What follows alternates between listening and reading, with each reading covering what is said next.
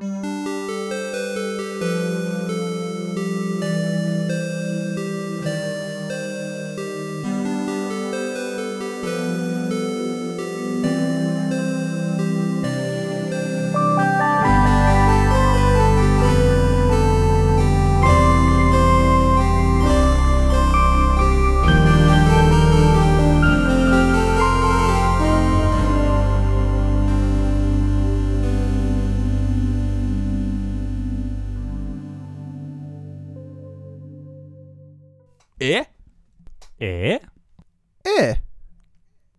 Tre E-er, det. Så med den tre E-nyheten så er vi klare for å kjøre E3-høymesse.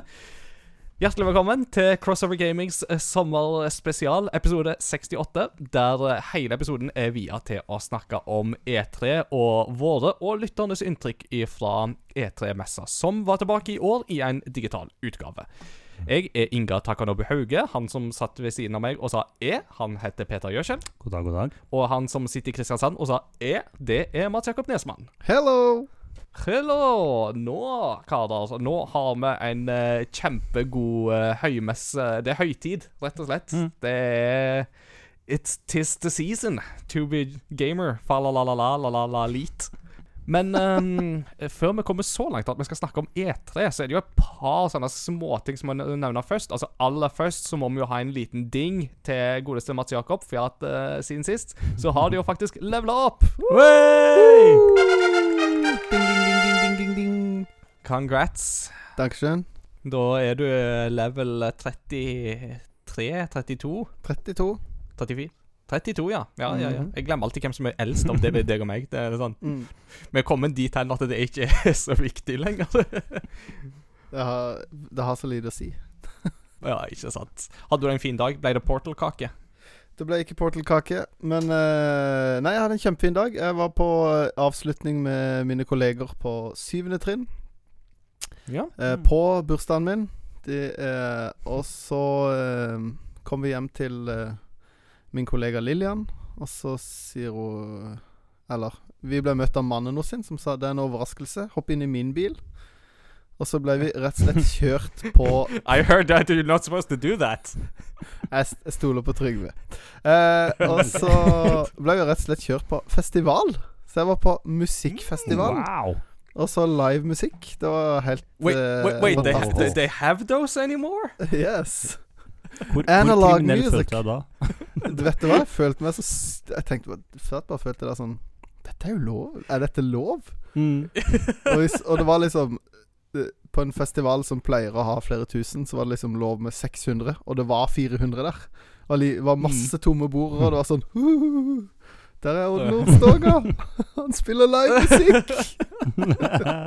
Da føler du det passer eksklusivt. Ja, det var kjempegøy. Så det var, det var en vellykka dag. Eh, det andre som var gøy den dagen, var at eh, jeg fikk en koselig melding fra Elkjøp. Som sa at jeg kunne komme og hente min eh, helt nye Xbox. Woo!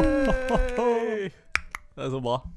Gratulerer. Mm. Det er jo Ja, det var ganske Hvis jeg ikke stas. tar helt feil, så må jo det være din Ja, hvis jeg ikke tar helt feil, så må jo det være din første um, ikke-Nintendo helt nye generasjon konsoll. Stemmer ikke det? Det er helt riktig.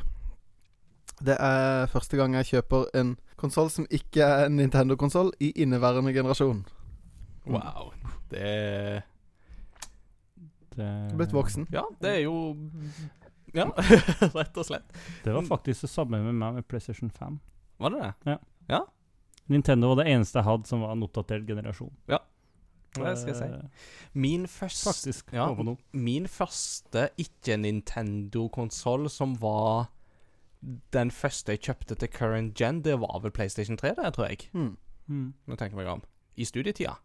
Eh, at jeg kjøpte først PlayStation 2 brukt da PlayStation 3 kom inn, og så ble det en PlayStation 3 etter hvert. Eh, og så kom PlayStation Portable etter det. Mm. Så so yeah, there you have it. Nei, men det, det, det, det blir veldig gøy. Det blir kjempemessig, um, ikke minst i høst, når uh, GamePass-perlene kommer på rekke og rad. eh, så skal det bli veldig gøy, og på en måte at vi har nå deg òg med på det. Altså, det, jeg elsker jo å høre om uh, retrospill og uh, old school Nintendo-stuff, men det blir litt gøy å høre hva dine takes på nyere titler òg kommer til å være. Altså. Så Mm. det blir veldig gøy. Ja, det, Er Halo for alle penger nå, da? eller? Det kan godt hende, det. Jeg har jo ikke spilt et uh, Jeg har spilt Halo 1 for to år siden. Så det Det er ikke Ja. Jeg er ikke noe stor FPS-mann. Men det kommer et uh, Jeg skal nevne et FPS i hva jeg har spilt. Nice. Oh. Da tenker jeg egentlig bare at vi skal gå i gang med det. Uh, Peter, du har jo vært i Tromsø Mm. og hadde en fin tur der, forsto jeg. Å ja. Ja. Det var kjempedeilig å komme hjem til Nordens paradis. eh, Mm. Paris, heter det. Nordens paradis og pa Paris, ja, det kan vel hete Fint var det i hvert fall, det. Ja. Igjen. Det var eh, herlig, det. hvor dere der ei hel uke, faktisk. Nice, nice. Det, det var nice. Ja. Mm. Og jeg har stort sett bare sittet inne og sett E3 og Gamer Games, uh, og har mye å melde om. Så Mm. i, siden dette er mm, høymesse, så stokker vi litt om på den vanlige liturgien, så vi går bare rett i gang med denne spalten.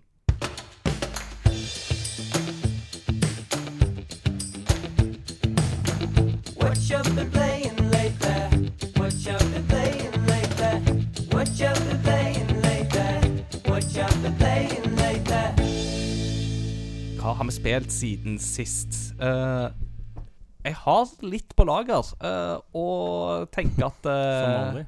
Ja, ja no, no, Noen ganger så er det litt mer enn en andre ganger, og dette er kanskje en av de gangene. Så Mm. kanskje jeg bare skal begynne og prøve Ja. å ta det litt, litt kjapt.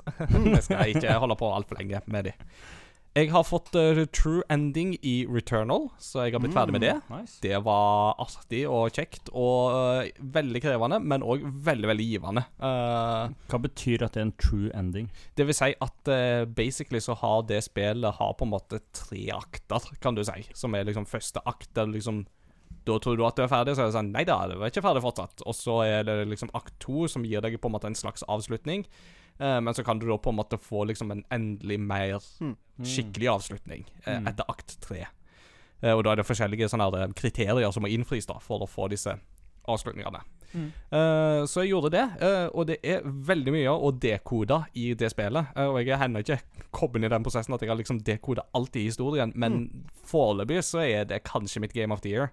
For det er så velpolert og så bra laga og så givende. Uh, så det er hard, og, og som virkelig på en måte viser hva PlayStation 5 er god for. da Så til de der ute som har klart å få tak i en PlayStation 5, så er det varmt anbefalt for meg, altså. Selv om du tror at sånne type spill ikke er for deg. Det kommer jo fra en mann som er notorisk allergisk mot Dark Souls og From Software-spill. Eh, Sånne spill som legger veldig opp til at du skal dø veldig mange ganger. Jeg hadde det veldig gøy med dette. Og jeg tror faktisk at Hades var med på å varme meg opp Ja. til Kult. Returnal. For Hades har jo liksom litt den der samme loopen, ikke sant? At du, Mm. Du dør jo mange ganger, men du kommer litt videre likevel. Ja. Nice. Mm. Og så har jeg eh, fått vært så heldig at jeg har fått eh, prøvd en times tid av Tales of Arise. eh, som er det nyeste Tales-spillet som kommer nå i høst. Tales er jo en uh, japansk rollespillserie fra Bandai Namco. Begynte jo med Tales of Fantasia på eh, Super Nintendo i 1995. Um, og så var forrige spill i den serien Det var Tales of Berseria, som kom i Japan i 2016 og her til lands i 2017. Og det var jo en periode der de nesten kverna ut ett spill i året i den serien, og de ble veldig like. Uh, det tror jeg de etter hvert innså sjøl òg, så nå har de tatt en ganske lang pause og kommer tilbake nå i høst. Og jeg må si, det jeg har testa, det lover veldig, veldig bra. Dette spillet ser skikkelig bra ut. Uh, Character-designet er veldig kult. Eh, og kampsystemet det er jo et sånn action JRPG-system som flyter Eh, Jeg har alltid syntes det er gøy, men det kan ofte være litt sånn kaotisk. Nå har de strømlinjeforma det mye mer. Mm, kult. Uh, så hvis dette Hvis resten av spillet leverer det samme greiene, så kan det bli en skikkelig slager i høst. Altså. Det kan bli på en måte det Altså Det er det ansiktsløftet som Tales-serien trengte. Mm. eh, føler jeg absolutt. Så jeg gleder meg skikkelig til 10.9. nå, altså. Mm. Så er det kult at de har valgt et Tales of, også et ord som folk vet hva betyr. Ja. det er sånn- Berseria eller Zesteria Ja. eller Zilia Ja, det er eller sånn. ja, ja. Tales of blu blu blu Som ikke slutter på A. Ja. Ja. det er sånn, Sist gang de hadde en tittel som ga mening sånn sett, det var vel Tales of Graces. Mm. Uh, som jo da hadde av en eller annen merkelig grunn Tales of Graces F Ja. på slutten. Hva den F-en sto for, det får jo fuglene vite. Press F to pay respect. Rett og slett. Det var jo mitt første Tales-spill, det var ikke så bra. Det var liksom meh. Så ja. Men Tales of Arise lover veldig godt. Eh, så det bør um, japanske rollespillentusiaster holde utkikk med. Det kan bli det beste i serien siden Vesperia og de, altså. Så. Kult. Mm. Og så, etter Returnal, så har jeg rocket kverna, eh, klemme inn tre timer med Resident Evil Village. Mm. Så nå er jeg i godeste Transylvania og um, blir jakta på av varulver og vampyrer og eh, eh, fluejenter og store kjemper og whatnot. Og som om ikke det er nok, så kommer eh, godeste lady Dimitresk, uh, og, Uh. som er tre meter høy, og bare liksom Det er sånn når du går rundt i det der slottet, så er jeg nå kommet til et tidspunkt der hun begynner å følge etter deg. Og da er det sånn, plutselig så åpner det seg en dør, og så ser du hun bøye seg skikkelig ned for å gå gjennom døra, og så står hun sånn tre meter høy. Og som jeg sa til Peter i stad, jeg har aldri blitt så forført og så skrekkslagen av en spillskurk noen gang Så litt Mistresk, altså. For hun har jo skikkelig stil. Hun, altså, hun ser jo skikkelig stilfull ut. Hun, det var det at hun er skikkelig skummel. Mm. Så det, det er veldig lett å forstå at internettet blir sånn der Ah, step on me! Mm. Ja. Skrekkblanda fryd. Ja, rett og slett. Jeg, jeg syns jo alltid det er så morsomt når eh, de liksom når, når internetts reaksjon på Lady Dimitrescu er liksom 'step on me', for da tenker jeg bare på We Fit uh, You. Altså dette um, treningsspillet på Wii U, der du måtte stå på sånn balansebrett. Fordi at eh, når det spillet skal starte opp For vi har brukt det litt her i huset, da. Og når det spillet skal starte opp, og den um, um, fitnesspaden skal la, lade opp, så sier, så sier han liksom, står han og kverner, og så sier han 'Initializing step on me'. Med sånn skikkelig sånn her Initializing step on me Stemme. Så det er liksom bare sånn når folk liksom bare sånn Ah, Lady Dimitresk, step on me! Ja. Hvem skulle tro at vi etter så mange tusen år endelig skulle få treffe kona til Goliat? da? Det syns jeg er veldig snilt. Ja, ja, ja, ikke sant? Det er, jeg snakker omtrent i samme høyden her. Ja, det var liksom det. Eh, så lover godt så langt. Det er ikke, jeg syns ikke det er like skummelt som uh, Resident Evil 7 var, og det er egentlig like greit, for det var nesten for skummelt. Så det er liksom foreløpig en sånn passelig blanding mellom skrekk og action, som jeg liker. Tøft. Og grunnen til at jeg ikke har spilt det eh, spillet mer enn tre timer, er fordi at den siste veka så har jeg klemt inn så mange timer jeg har hatt ledig i å spille Scarlet Nexus, som kommer nå Nå spiller vi jo dette inn på en tirsdag kveld, og så sant vi ikke slipper denne episoden før eh, onsdag klokka fire, så kan jeg snakke om det spillet. så når du hører på, så er det mest sannsynligvis torsdag, eh, og da har jeg lov å snakke om det spillet, for da er anmeldelsen ute. Mm. Scarlet Nexus er da òg ifra Bandai Namco, de som lager Tales of Arise. Det er et japansk eh, action-rollespill, dette her òg. og det er et spill der du slåss imot plantemonstre. Hmm. Så det er et sånn mm, litt sånn postapokalyptisk verden der eh, de fleste personer har en eller annen sånn der superkraft som de kontrollerer med hjernen, så det er derfor de kaller spillet for en brain punk. Jeg syns det er litt teit, Interessant. men uh, det, er no, det er litt sånn markedsføringsjippo, Mm. men det er nå så. Mm. Um, og så inntar du rollen som én av to rollefigurer, og tanken er jo da at du skal spille dette spillet fra begge figurenes perspektiv. Um, Mm. Og begge disse figurene bruker da telekinese, så du Mhm. kan liksom plukke opp eh, gjenstander og bare meie de løs på monstrene, og så hack and slash og ha sånne flashy finishing moves. Det som er litt interessant med Scarlet Nexus, er at dette bærer veldig preg av at her er det noe i Bandai Namco som har satt og sett på Platinum Games sine spill og tenkt at å, dette var kult, men vi kan gjøre det bedre. Og så har de ikke helt klart å gjøre det bedre. Mm. Det, det er veldig inspirert av liksom det der high Altså høyoktan-kampsystemet som du finner i spill som Near Automata. Um, settinga gir deg litt assosiasjoner til Astral Chain, som jo er en annen Platinum Games-tittel. Uh, og så har du i tillegg veldig mye fokus på liksom sånn der sosial interaksjon med de andre på laget ditt, som gir deg litt sånn Persona 5-vibes. Mm. Men ingen av disse tingene er vevd sammen på en måte som gjør de bedre enn sine inspirasjonskilder. Uh, historien er fryktelig rotete. Uh, lite oversiktlig, og det er fort gjort å miste fokus. Og de, de, du føler liksom at de hopper veldig fra liksom det ene til det andre. Og sjøl etter å ha kommet igjennom spillet halvannen gang, uh, for jeg skal jo spille det fra begge figurenes perspektiv, så føler jeg liksom ikke at de, de har en helhet som er veldig god sånn storymessig. Um, og i tillegg så er en del av rollefigurene som er på laget ditt òg Noen av de er fryktelig irriterende. Altså, du har en sånn fyr som bare er sur og grumpy på deg og sånt, og selv om du blir kjent med han og finner ut hvorfor han er sur og grumpy, så syns du fortsatt han er en dust. Mm. Pardon, pardon my French. Høres ut som Um, healeren i Tales of Mana. ja, det er ikke så ille, heldigvis, men det er liksom bare sånn her det- Og, og, og jeg, jeg, jeg er sur fordi jeg er ikke best, så det er bare sur på alle, og så nye, nye, ja. Mm.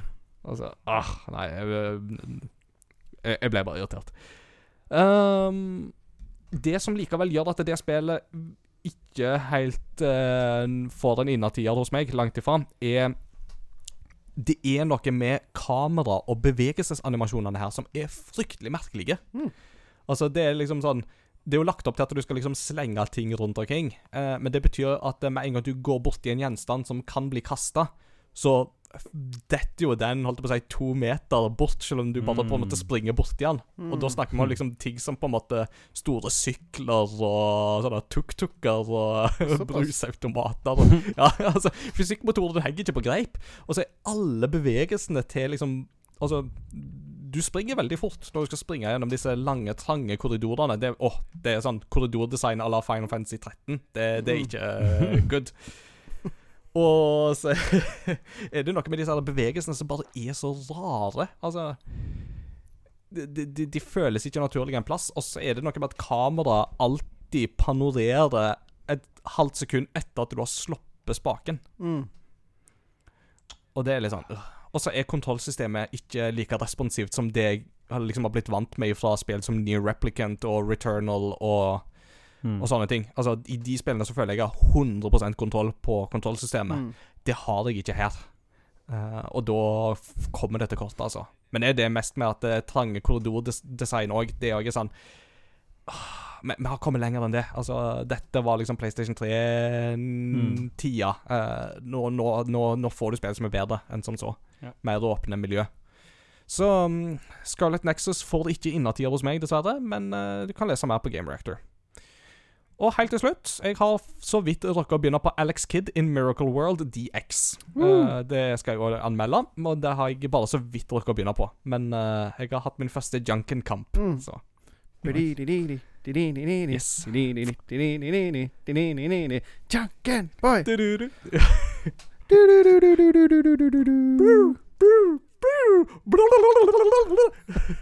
Helt rått. Og det som er gøy med Alex Kidd in Miracle World DX, er at nå kan du velge. Skal du spise onigiri? Skal du spise hamburger? Skal du spise, spise fish and chips? Skal du spise payas? Uh, du kan velge blant ganske mange forskjellige matretter å spise. Mm. Det var det. Da hadde jeg Mm. kommet meg gjennom uh, mitt. Uh, Mats Jakob, nå er vi jo veldig spent. Har du rukket å innvie Xboxen din ennå? Eh, ja, det har jeg. Skal jeg uh, fyre Nå skal jeg bare akkurat til prøve å finne ut av hva det ene spillet het, for det husker jeg ikke hva het, men det kan jeg finne ut av underveis. Eh, da kan vi jo ta Peter sitt i mellomtida, da eventuelt. Ja, det kan du gjøre. Hvis du tenker på det. Mm. Ja. Mm. ja. Null stress. Peter, uh, må- eh, the floor is yours. Du må kjappe deg, for jeg har som sagt vært i Tromsø, så du må tenke fort nå. Mm. Eh, så, ja, jeg har ikke, spilt, jeg har ikke røkt å spille så fryktelig mye spill. Eh, litt uh, Warzone har jeg jo testa ut. Som jeg snakka om forrige gangen, så har jeg jo uh, oppgradert eh, PC-en min ganske kraftig. Og har til oppdatering så jeg òg funnet fant ut hva problemet var. Yay! Så det var sykt digg. Det var en Benjamin Wittersjø som kom Benjamin! til oh, Benjamin. Legende. Som kom til utsetning. Skulle han, det var ikke derfor han kom på besøk, men siden han var der, så sjekka han ut det, og så fant han ut det gans Han fant ut det frustrerende fort. sånn. Men uh, ja, når det ikke er så uh, hard på hardware og sånt, så jeg kommer ikke på at uh, Men det var to forskjellige typer RAM-brikker. jeg hadde inn. Og normalt sett så skal ikke det være et problem, men det var et problem. Mm. Og uten at den helt klarte å forklare hvorfor det var, hvorfor det var sånn. Men, men. Det, det ordna seg. Og så når jeg tester Warzone nå med både nettleser og Discord på naboskjermen, så bruker jeg mellom litt over 30% av prosessorkrafta. Åh, det er vakkert. Uh, så det er jo en glede eh, for en som tidligere har kjørt eh, hatt en propp i øret for å kunne snakke på Discord. Mm. Uh, så nå, men nå så kan jeg liksom bruke mitt eget set, headset, og det er jo helt eh, legendarisk deilig. Så ja, litt Warzone. Eh, og så har jeg fortsatt å spilt Nå har jeg fått spilt en del mer med Days Gone. ja. Koser meg veldig med det. Mm. Eh, jeg syns det er utrolig kjekt. Bør fortsatt ikke spille zombiespill for seint på kvelden. Det kjenner jeg jo fortsatt på, men det mm. Og har vel tatt en sånn tre horder til nå. eh, Oh. og eh, uten at eh, jeg har bra nok våpen til det, men hvis du står høyt nok oppå opp på fjellet, så går det fint, det. Så, da sier du til zombiene It's over, Horde! I have the high Å, Oh, yes. Det, og det Nei, jeg syns det er veldig kjekt, og jeg liker karakterene i spillet egentlig bedre og bedre òg. Ja. Så syns det Det er jo veldig viktig. For Ja. meg så ble det ikke helt innertier med rollefigurene. Jeg syns de ble litt sære, egentlig. Men uh, Ja. jeg har liksom ikke helt liksom fått inn den der Sons of Anarchy-greiene Mm, inn i Ja, blodet, det, liksom. går, Så det, det går veldig bra for meg. Og jeg, jeg skjønner liksom hvorfor de er sånn de er, mange av dem. Uh, mm. eh, og dere broderskapet de to uh, har, syns eh, det liker jeg veldig godt. Uh, Ja. Gjør jeg. Får litt De mestrer ikke like eh, bra, men du får jo litt uh, vibber til um, Å, kjære vene, så um, Last of Us. ja. Uh, akkurat den, den delen, da. Eh, hvordan de blir etter hvert med bare det far, litt mer far og datter. Så ja, syns det er Jeg koser meg. Og jeg, mot, må, når du kjører den motorsykkelen på, Mm. det syns jeg er så deilig. Mhm. Akkurat den den kontro kontrollinga for motorsykkel er skamdigg i det spillet. Uh, det, det er en uppertier, absolutt. Så nei, jeg, jeg koser meg. Gjør jeg. Og så har jeg begynt på eh, Pokémon Sword. Hey! Ja. Uh, yes. Så det satte jeg og skulle spille på flyet på vei ut til Tromsø. Uh, hatt litt uh, lang arbeidsveke og litt mye som har skjedd i det siste. Så Litt langt arbeidsår, tror jeg vi kan si. det det òg. så jeg satt og spilte en Hairteam 40 minutter, og altså, den musikken Jeg ble så trøtt. Mm. Åh, jeg ble så sykt søvndysen.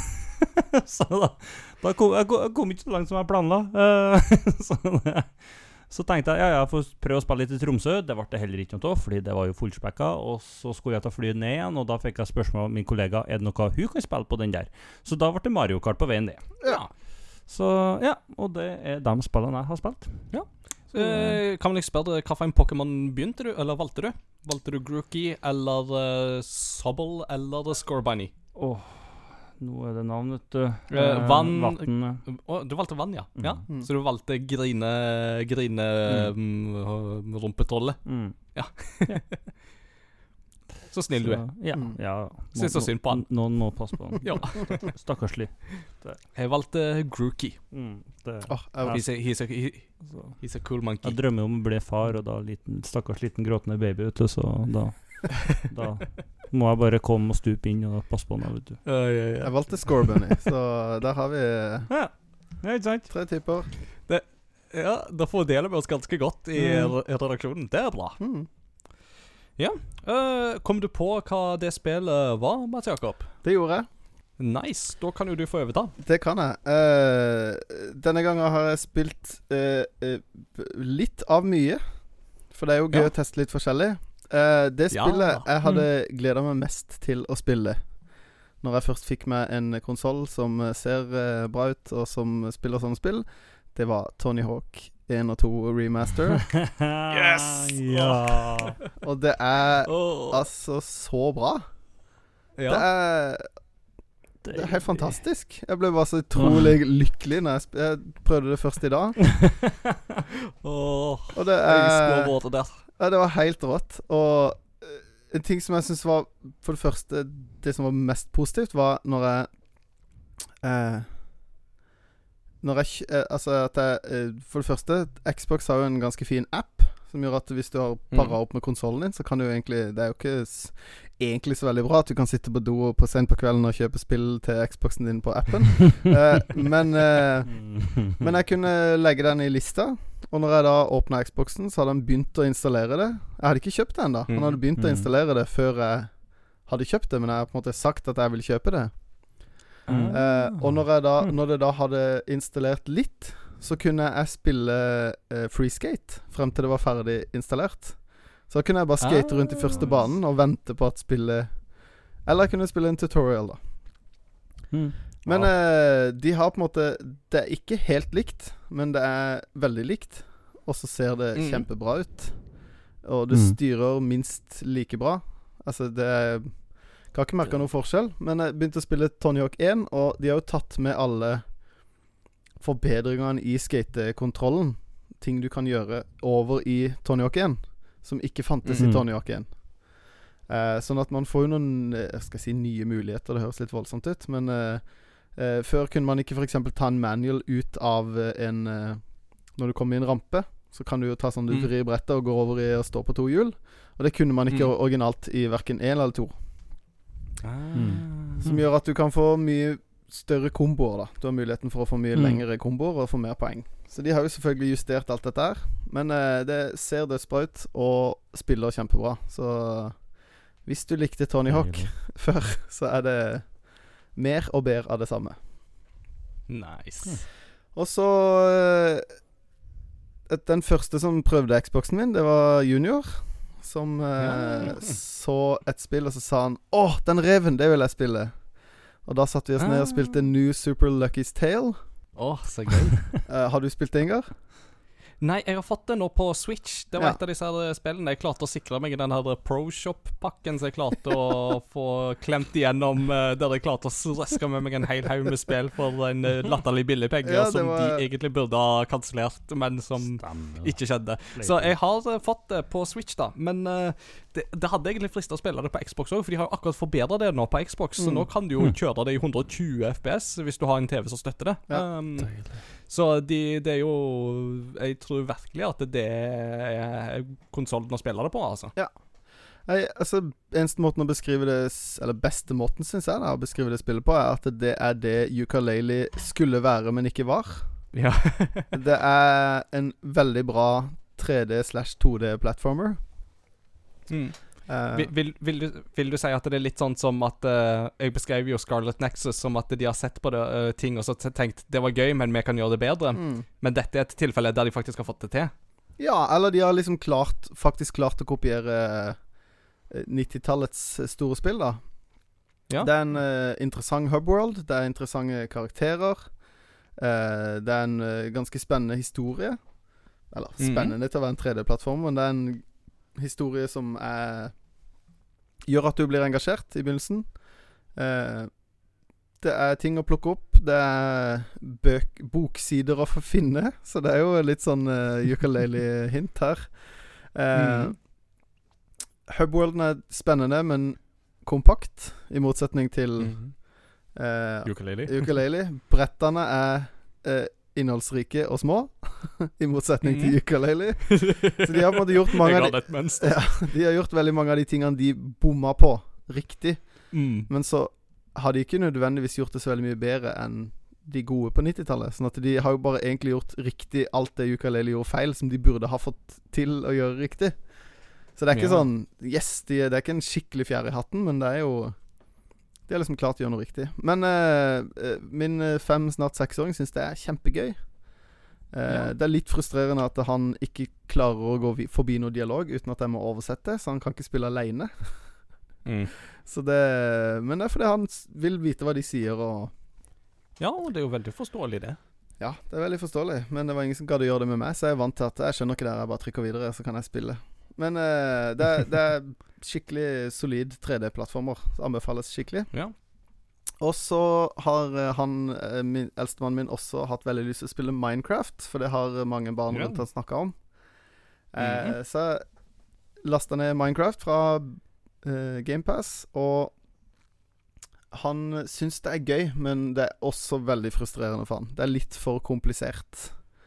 Eh, med hvor han finner ting, at- ja. og, og hvordan han bygger, og eh, litt sånne ting, da. Men hvis han eh, vil, Han syns det er gøy å bygge veier, altså fjerne gress og legge inn stein.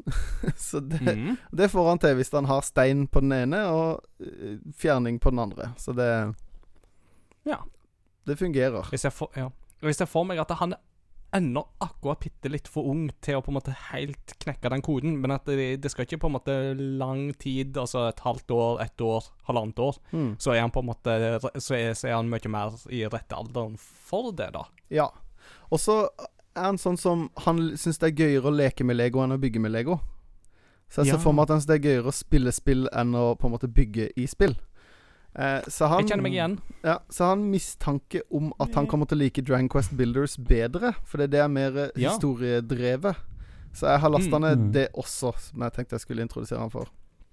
Da må du i alle fall sitte og oversette. Ja, men det får være. Eh, nå, altså, nå har jeg mange spill. Det er sjeldent. Jeg føler jeg har noen, eh, dette- jeg har dette noen er til gode. Eh, og så ble jeg anbefalt et spill i Discord. Jeg skrev at jeg hadde fått med en Xbox. Fikk en smørbrødliste. Så jeg prøvde Mhm. Jeg tror det er norsk spill. Mørkredd. Ja. Ja. ja, Mørkeredd. Det er helt riktig. Vi snakket om det i forrige episode, for det vant jo Nordic Game Awards Ja. for beste spill. Har du spilt det? Du, jeg har ikke testa det ennå. Uh, dessverre. Min uh, innsats på norske spill i 2020 var begredelig, så jeg Ja. har litt å ta igjen. Nei, det er veldig Altså, konseptet er at du styrer to stykker. Det eneste de kan gjøre, er gå og, og eh, på en måte interacte. Det, du har på en måte gå, og så kan du bruke én knapp, som er liksom Dytt på den kula, eller se på den tingen, liksom. Det er ikke noe sånn Du kan ikke hoppe, du Mm. kan ikke gjøre noe sånn. Mm. Og så eh, er det en lyskilde, og hvis du går utenfor rekkevidden til lyskilden, så dør du. Hvis én Mm. av de går utenfor rekkevidden til lyskilden eh, Problemet er at du styrer to stykker.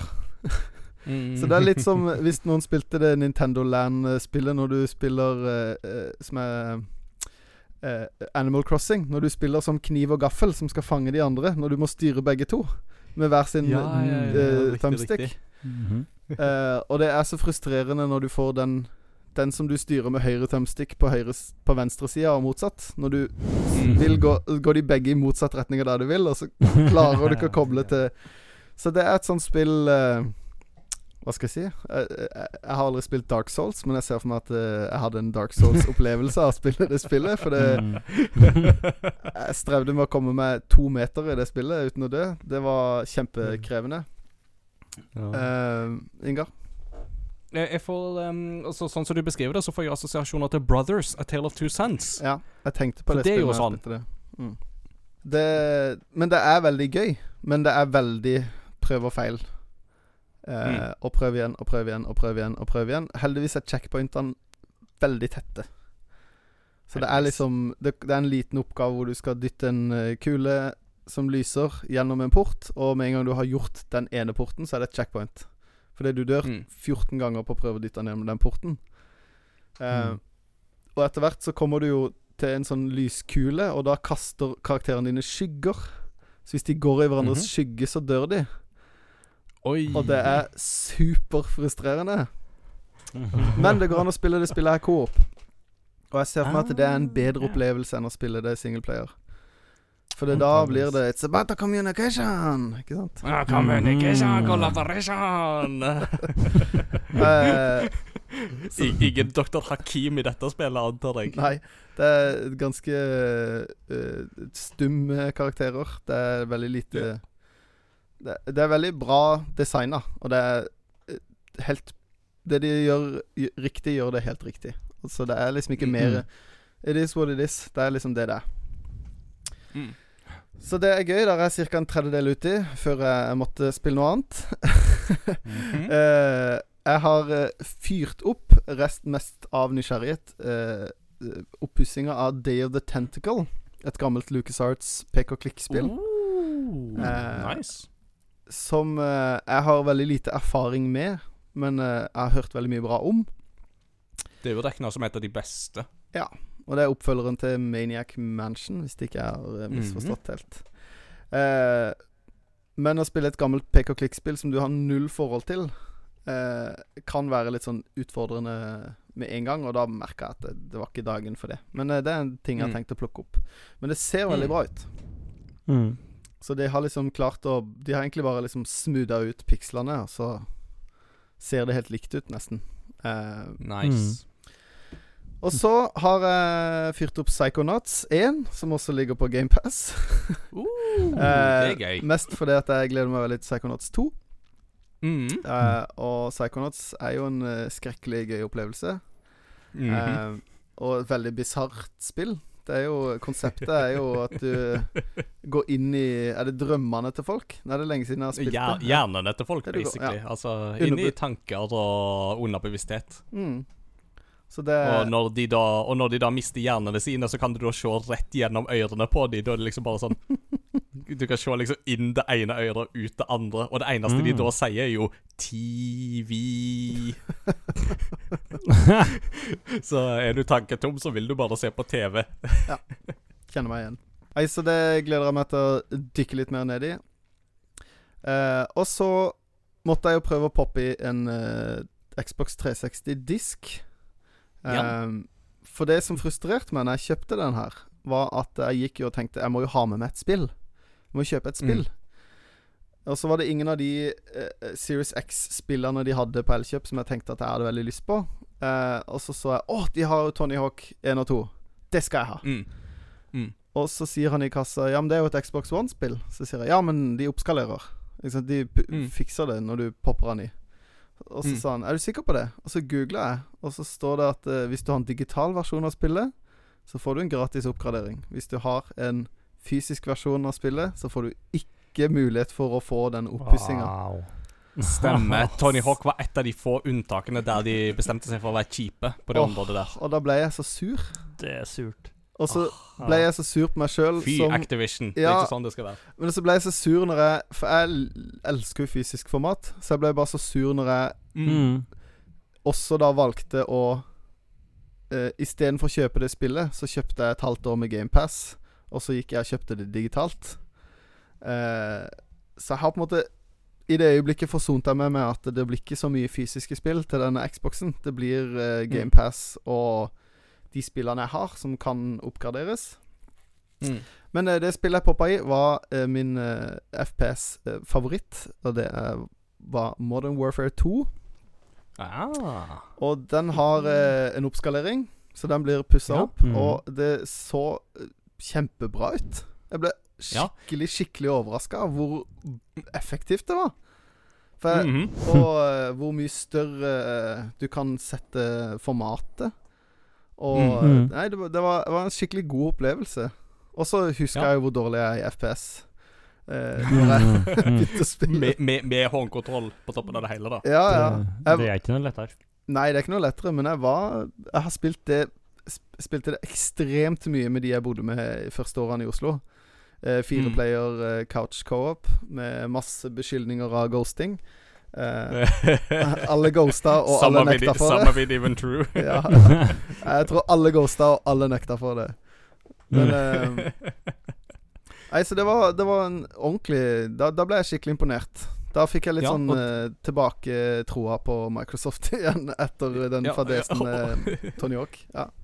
Ja, og, Mm. og, og, det, og det er jo det som virkelig den konsollen gjør så bra. Det er jo det at det er ikke bare det at det, du, du får spille gamle spill, men det er bare sånn Ja, og så, og så, og så, og så tuner vi de litt opp. Mm. Og det er bare sånn De gjør bare så mye riktig med den konsollen akkurat nå at jeg er mer og mer imponert. Mm. Eh, så nei, vi er ikke sponsa av Microsoft, men eh, det kan eh, komme til å høres litt sånn ut i løpet av denne episoden. For akkurat nå så har de et momentum som er skrekkelig bra, altså. Mm.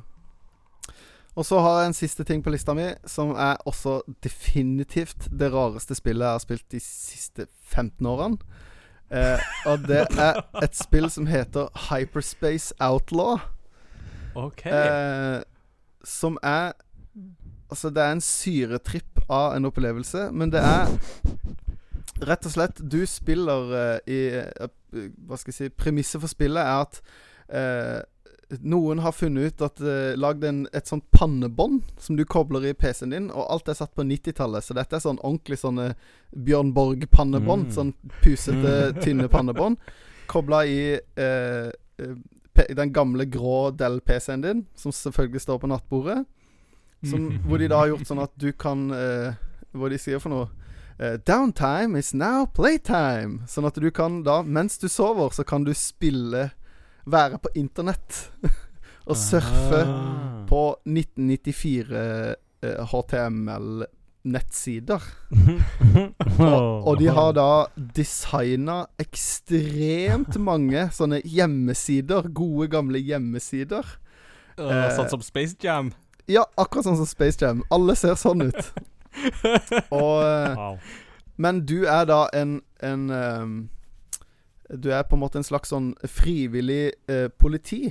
Så du har en egen sånn superbruker som gjør at du får beskjed om sider som er flagga for enten copyright eller vold, eller at de selger narkotika, eller at de driver med noe annet kriminelt. Og så skal du eh, finne disse nettsidene, for i gamle dager var det jo ikke bare å finne en nettside. Det var liksom, du måtte jo ha nettadressen for å liksom eh, så du driver og er egentlig litt sånn etterforsker på eh, et ekstremt trippy 1994-internett. Eh, og skal drive og flagge sider, og hvis du har flagga samme person mange nok ganger, så kan du banne de, og så Jeg har ikke kommet så langt ut i det, for jeg ble rett og slett litt sånn sjøsyk av å spille det. For det er, en så, det er sånn angrep på sansene av å spille det spillet. Så sjekk ut en YouTube-video av det spillet her eh, når du hører på, for det er helt vilt. Ekstremt unikt og veldig, veldig rart konsept som er gøyalt. Det, det høres ut som du har vært gjennom en fantastisk smørbrødliste Ja. med ny konsoll i hus, og det er jo kjempefestlig. Det skal jo være litt bare sånn. Sånn kjapt bare sånn kjapt spørsmål. Nå, Mm. nå, nå er det jo sommerferie foran oss, og da er Mm. jo spørsmålet Hva er liksom det neste spillet du ser for deg at du har tenkt å begynne på på den, eh, den konsollen? Eh, sommermålet mitt for eh, Xboxen, det største sommermålet, er jo å spille så mye som mulig av Mario eh, Golf Rush. Ja, Hyper Rush, nei, er det, sånn- det nye Mario Golf-spillet. Mario Golf Super Rush. Super Rush er det, ja. Eh, men eh, det spillet jeg lasta ned som jeg tenkte at jeg skal spille i sommer, det er Dragon Quest 11. Ja! For det spilte jeg demoen på på Switch, og så syns jeg det var litt surt å bruke så mye penger på en versjon som eh, Som var ikke dårlig, men den var dårligere. Og det var et spill jeg tenkte Mm. dette er et Mm. pent spill der jeg har lyst til å spille. Så jeg har, hatt en, jeg har jo hatt en mistanke om at jeg kanskje gikk i den uh, kjøpefella jeg akkurat har gjort. Uh, denne generasjonen, da. Jeg har vært veldig frista til å kjøpe en konsoll til denne generasjonen. Mm. Så jeg sparte til det, rett og slett. Mm. Ja, Godt jobba. Det er vel lunt, og det blir veldig kjekt å høre framover òg hva du utforsker på Xbox. Det Mm. blir gøy å utveksle litt erfaringer og, og sånt, så det blir spennende. Mm. Og så trenger jeg venner, for jeg har ingen venner på Xboxen. I have no friends. Uh, det stemmer, jeg har ikke lagt det til ennå. Det må vi få gjort. Jeg tror jeg bare er én venn på PlayStation. Og det er Jeg tror jeg er Chris, Chris Like. Oh. Har du ikke meg som Nei, venn jeg tror ikke vi er venner. What?! Det gikk opp, det kom jeg på nå. Folkens, vi har heimelekser i sommer. Vi må Ja, bli er- venner. Mm. Ingen som er glad i meg. Jeg er helt alene. Skal vi ja, ja, være venner?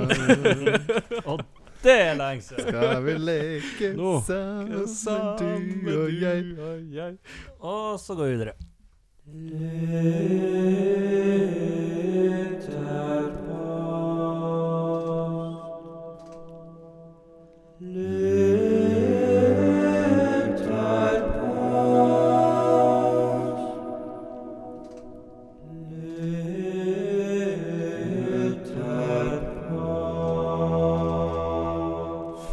vi skal dele våre inntrykk fra E3-messa i år, eh, så tenkte vi at vi ville høre fra lytterne hva de likte best på årets E3. Hva prestasjoner var det de likte best, og hva spill var det som utmerka seg for deg. Så vi tenkte vi skulle høre fra lytterne nå først, før vi tar en pause.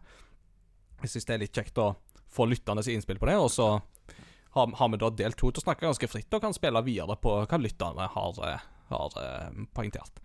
Så jeg tenkte jeg kunne begynne med en uh, litt uh, lengre, men god en, som jeg er um, ganske mye enig i, er fra Silja Lith, uh, aka Sigrun, eh, som da skriver jeg regner med det blir mange nok som nevner Advance Wars og Metal Slug, så jeg tror ikke jeg trenger å si så mye mer enn at jeg også ble hype.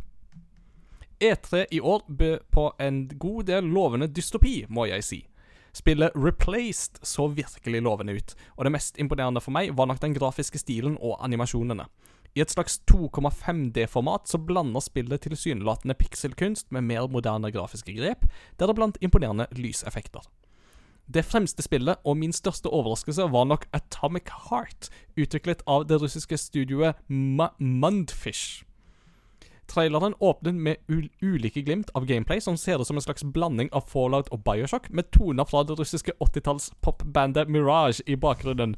Sangen 'Muzika nas svazalia' eh, Musikken bant oss er nok ikke særlig kjent utenfor Russland, men for meg gjorde det traileren til en highlight.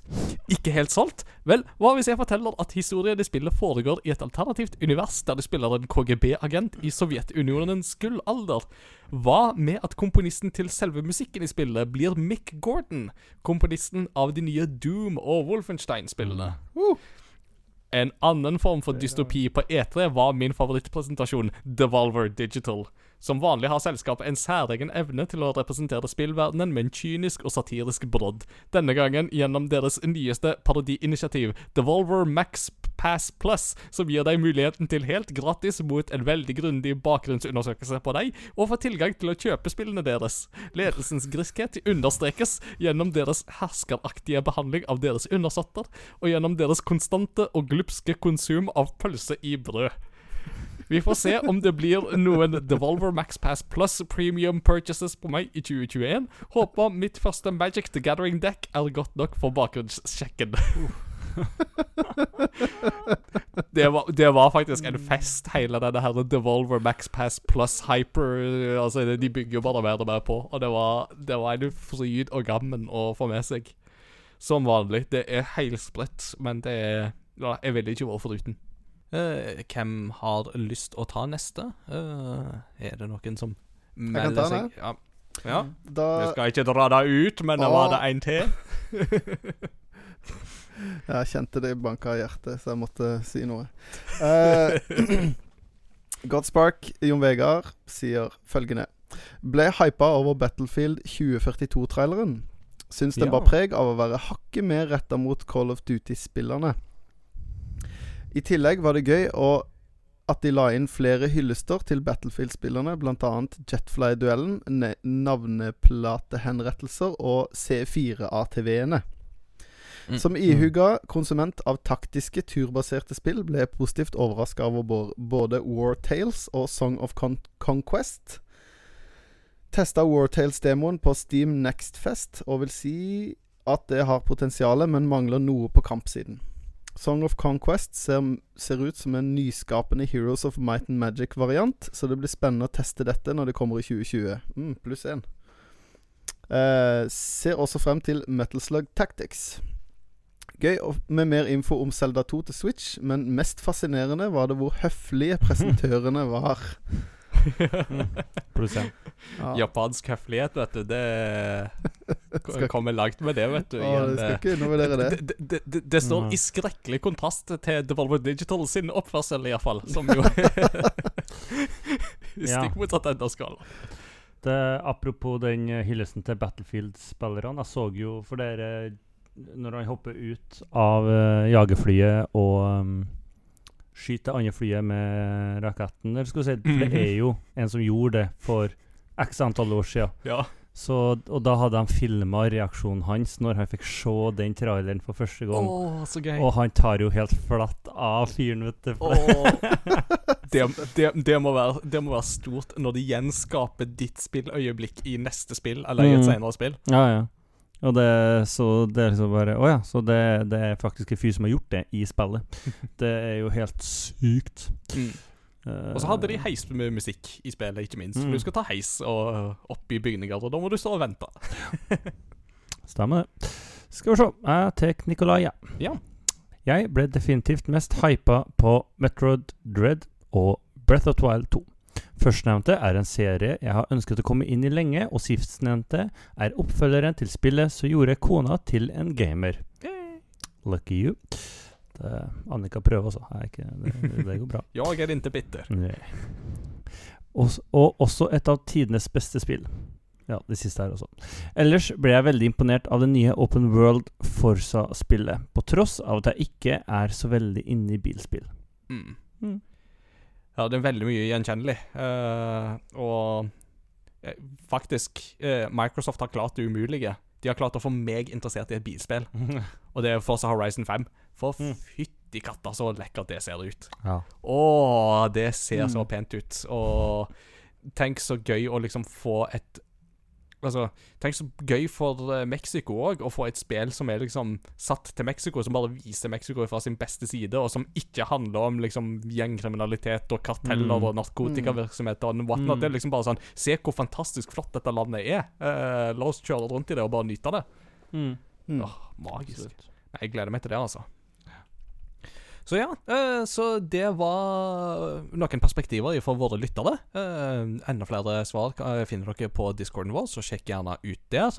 Og det går òg an å svare på våre lytterposter på Facebook-sida vår. Lenker til begge deler finner dere på crossovergaming.no. Da tenker jeg at vi skal ta en uh, liten pause, og så skal vi dele litt av våre tanker og inntrykk fra årets E3, og snakke litt fritt om det. Og ja, det blir veldig spennende. Jeg gleder meg. Mm.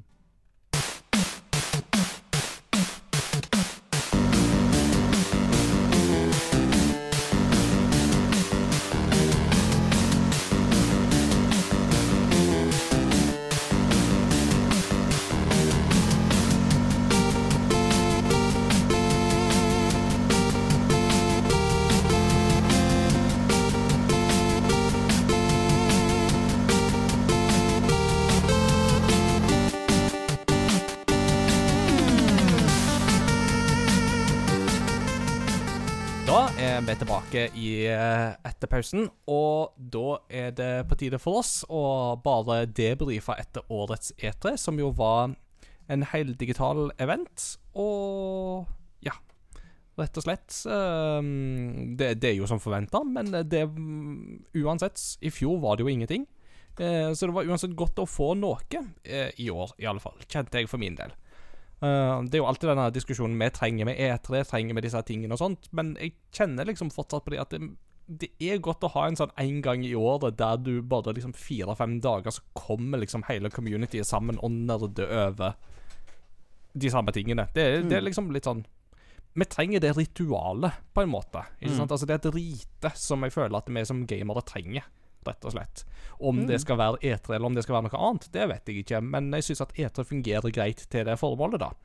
Um, og vi har jo hatt eh, folk med oss på Discord under noen av eh, konferansene, og har jo skrevet live etter hvert som ting har blitt annonsert, så det har vært veldig kjekt å tilbringe årets etere sammen med lytterne våre.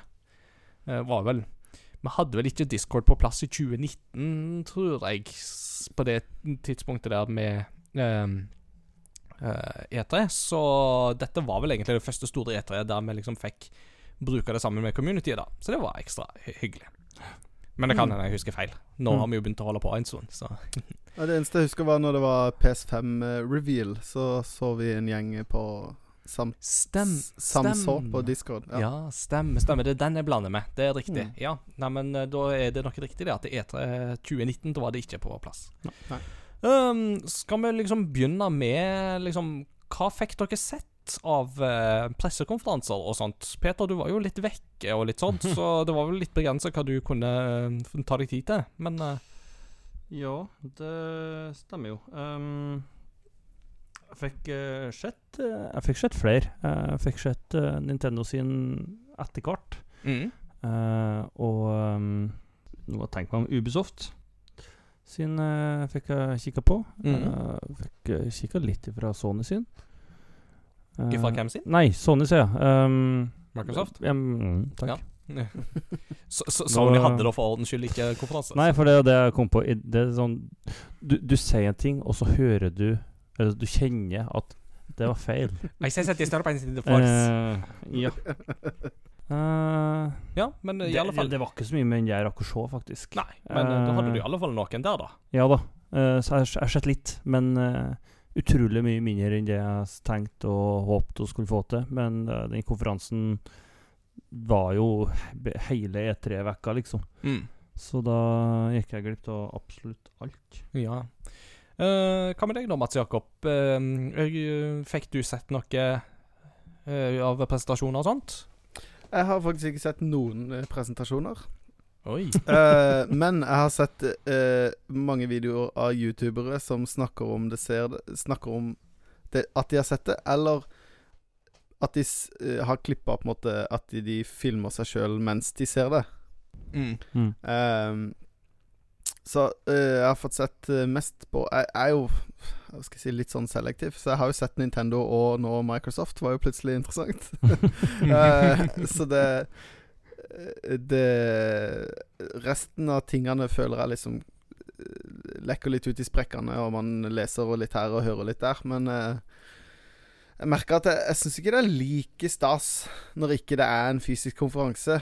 Eh, Mm. Det er jo mye Jeg savner jo Reggie Fils-Aimay eh, eh, på scenen, på en måte. Eller sånn. Det hadde det jo ikke vært Mm. uansett, men eh, Men det er det er jo noe med at det er der, og folk som blir betalt for å sitte og klappe, og altså eh, Gi oss Keanu- kleinheten Keanu- tilbake. ja. Mm. Keanu Reeves som uh, hyper opp et dårlig spill.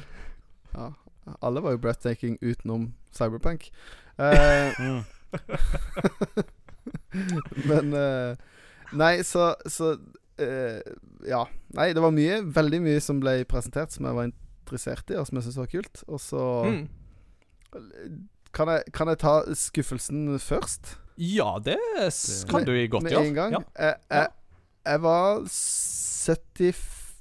77% sikker på at Nintendo skulle si noe om en uh, Switch-oppgradering. Ah. Så jeg var litt skuffa Mm. over at ikke det ble Det ble ikke nevnt engang. Mm. Mm. Det, Nei, det var jeg litt skuffa over. Men eh, Mm. det kan hende det kommer i en egen en. Mm, de nevnte for så vidt på forhånd at det kun skulle være software-presentasjon, så ja. Um, for min del så fikk jeg med meg en god del. Uh, jeg begynte med Summer Game Fest, uh, som jo på en måte tjuvstarta eventet med Jeff Keeley. Mm. eh, som jo òg hadde med seg Jeff Goldblum, blant annet. Uh, Jeff Goldblum being Jeff Goldblum, som jo bare var helt fantastisk. Så det var sånn Hei, Joff or Ge- Gif or whatever your name is. Han var jo da selvsagt der for å snakke om Jurassic World Evolution 2. Eh, Så Men uh, det er- det er bare så gøy hvordan Jeff Goldblum bare har embraced sin egen særhet. Mm. Det, jeg digger Mm. det. Ja, det var fint. Eh, og Ryan Reynolds var jo også til stede for å snakke om uh, Free Guy, den her filmen som kom om Mm. hvordan han er en NPC. Og uh, Hideo Kojima stakk innom for å snakke litt om liksom, hvordan det er å liksom, utvikle spill i et sånn postpandemisk samfunn. Og, ja, så, det, så det var litt sånn gøy å begynne med det, da. Um, så fikk jeg liksom sett liksom, litt sånn slag i slag. Ja, Mats Jakob, vær så god. Jeg, bare, jeg, jeg, jeg så for ikke så lenge siden Thor Ragnarok. Og der er jo Mhm. Jeff Goldblum med. Og altså, Jeff Goldblum er seg sjøl i alle roller. Det er helt rått. Oh, Mm. Men- men ja, det han- er så bra, det. han overgår jo nesten seg sjøl i den filmen der. Det var helt, helt fantastisk. Åh. Kan jeg bare Jeg glemte å dele en ting. Jeg bare må, kan jeg, bare, jeg bare må skyte det inn her. For det at Vær så god. vær så god. Det, Dette skulle ha kommet tidligere i episoden, men uh, Men eh, jeg så jo eh, den beste TV-spillfilmen som til nå er gitt ut. Ja, ja, ja, riktig, riktig. Mortal Kombat. Det var, Ja, det gjorde det, ja. det var helt enestående. For en film. Eh, Jeg kan snakke mer om det på slutten. Ja. Minn meg på det. Nice. Da tar, vi, da, da tar vi en liten sneak peek av det før på studiet, tenker jeg. Så Ja, ja, det skal ja. gå bra. Mm. Um, etter det så gikk det liksom litt sånn slag i slag i forskjellige ting. Det var uh, Gorilla Collective, som var en sånn indie-samling med litt forskjellige ting. Og Og den så- så jeg jo, ja. for så vidt. ja, og de hadde jo òg en sånn der wholesome di uh, direct etterpå, som da var liksom bare sånne bare koselige spill. Eh, som liksom bare skulle være sånn superkoselig spill. Deriblant det fantastiske spillet A Walk with Yaya, som er et gresk spill der Yaya er gresk for bestemor. Som handler om at du skal gå tur med bestemor etter at hun har hatt et stygt fall og er blitt veldig redd for å gå alene. Mm, Ah. koselig. Det er bare sånn Ja, superkoselig konsept. Uh, så det var sånn Det var sånne ting. Um, du hadde òg um, det som vi kalte for KOR uh, Primetime, som da er en litt sånn THQ Nordic og litt sånne ting. Det var en grusomt kjedelig presentasjon, dessverre. Mm. Det må vi bare slå fast. Uh, og så hadde du jo Square Enix, som var litt uh, blanda drops, for å si det sånn. Mm. Um, du hadde Nintendo hadde jo sin presentasjon, og Microsoft hadde sin presentasjon, så det var jo liksom litt av de gøyere. Devolver hadde, og Ubisoft hadde, som jeg òg fikk med meg. Um, og det var vel sånn i utgangspunktet de liksom fikk god anledning til å se. Um, Bandai Namco og Capcom hadde noen greier, men de var visstnok veldig lite uh, innholdsrike.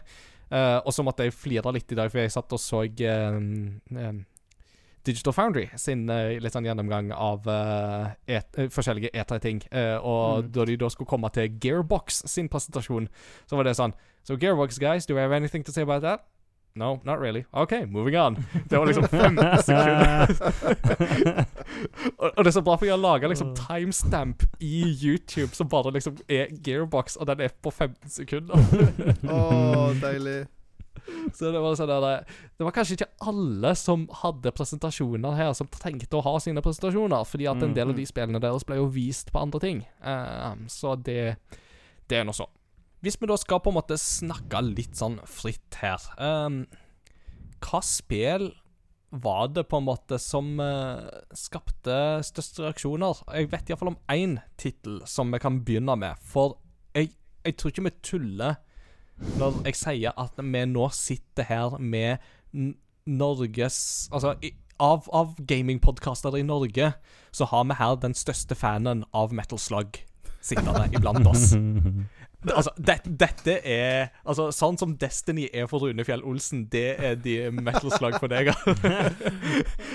Eh, jeg, jeg, jeg, skal, jeg skal ta imot den. Men eh, Jeg er ikke enig, men jeg skal ta imot det, den. Ja. det, det, det, det er kun meint som en æresbetegnelse, men du er, du er jo mannen jeg tenker på når jeg snakker om Metal Slug, og Metal Slug gjør jammen meg comeback med Metal mm. det Slug fett. Tactics. Ja, det er ganske tøft. Det Ja. Det, nei, det er, jo bare, det er jo bare kjempegøy at de plukker det opp igjen, for det, det er jo en fet serie. Mm. Og så, så går det jo i en helt annen retning med sånn Tactics-spill som minner liksom om Final Fantasy Tactics og Tactics Ogre og disse litt sånne isometriske uh, spillene. Men det så jammen meg gøy ut, og artstylen var jo helt fantastisk. Mm. De er jo gode på det der, da. Med liksom pixel art og Tactics-spill er jo tactics-spill. Det er jo eh, det, eh, Hvis du klarer å følge formelen riktig, så er det gøy, fordi at det, spill, eh, spillets gang er gøy i seg sjøl, på en måte. Det er jo eh, Mm. eh, Så jeg håper jo bare ikke de finner på noe, noe lurt. det, det er fort gjort. Men det, det så veldig gøy ut, da. Mm.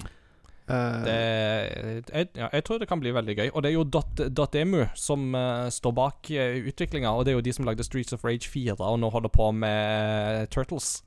mm. Så de, de, de vet hva de holder på med. Nei, de, de, de retro-rebootene er de ganske bra på, ja. Mm. Mm. Snakk om sånne retro-reboots, så blir det jo òg mer eh, River City Girls. Uh, kommer det jo òg mer av River City Girls 2 og River City Girls Zero, som er et gammelt Super Nintendo-spill. Uh, Mm. Kommer jo faktisk uh, nå etter hvert. Det, det, det er sånn som jeg tror kan bli veldig gøy og artig for beat them up-fansen der ute.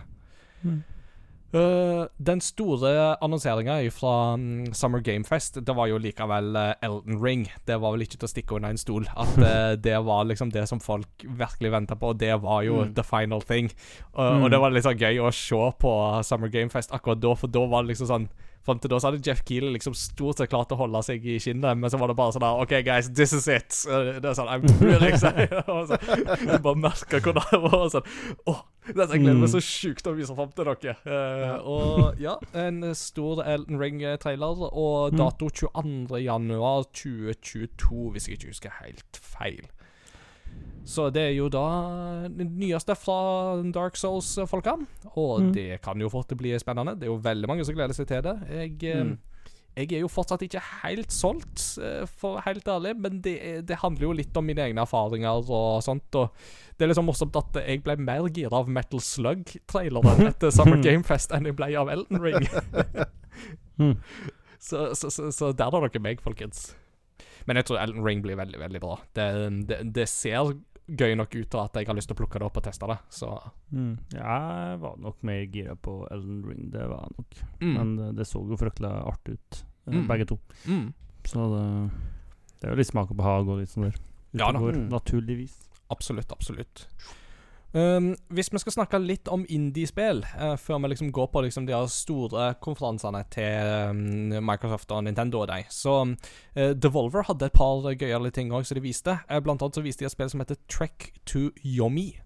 Uh, og Yomi kan jo da være et japansk ord for mørke eller natt. Uh, og det som er gøy her, er at det er da basically et todimensjonalt action sidescrolling-spill i Kurosawa mode. Altså, det er Ghost of Tsushima Mm. Kurosawa mode 2D. Uh, og jeg bare så uh, Altså, det alt er i sånn svart-hvitt-filter med litt sånn der uh, litt, litt sånn at du merker litt sånn der urenheter i filmen og sånt. Og jeg bare Mm. sånn Yes! Dette skal jeg spille! Åh, det, det så så gøy ut. Det var helt right up my alley. Så Mm. Det, det tror jeg blir veldig gøy. Nice.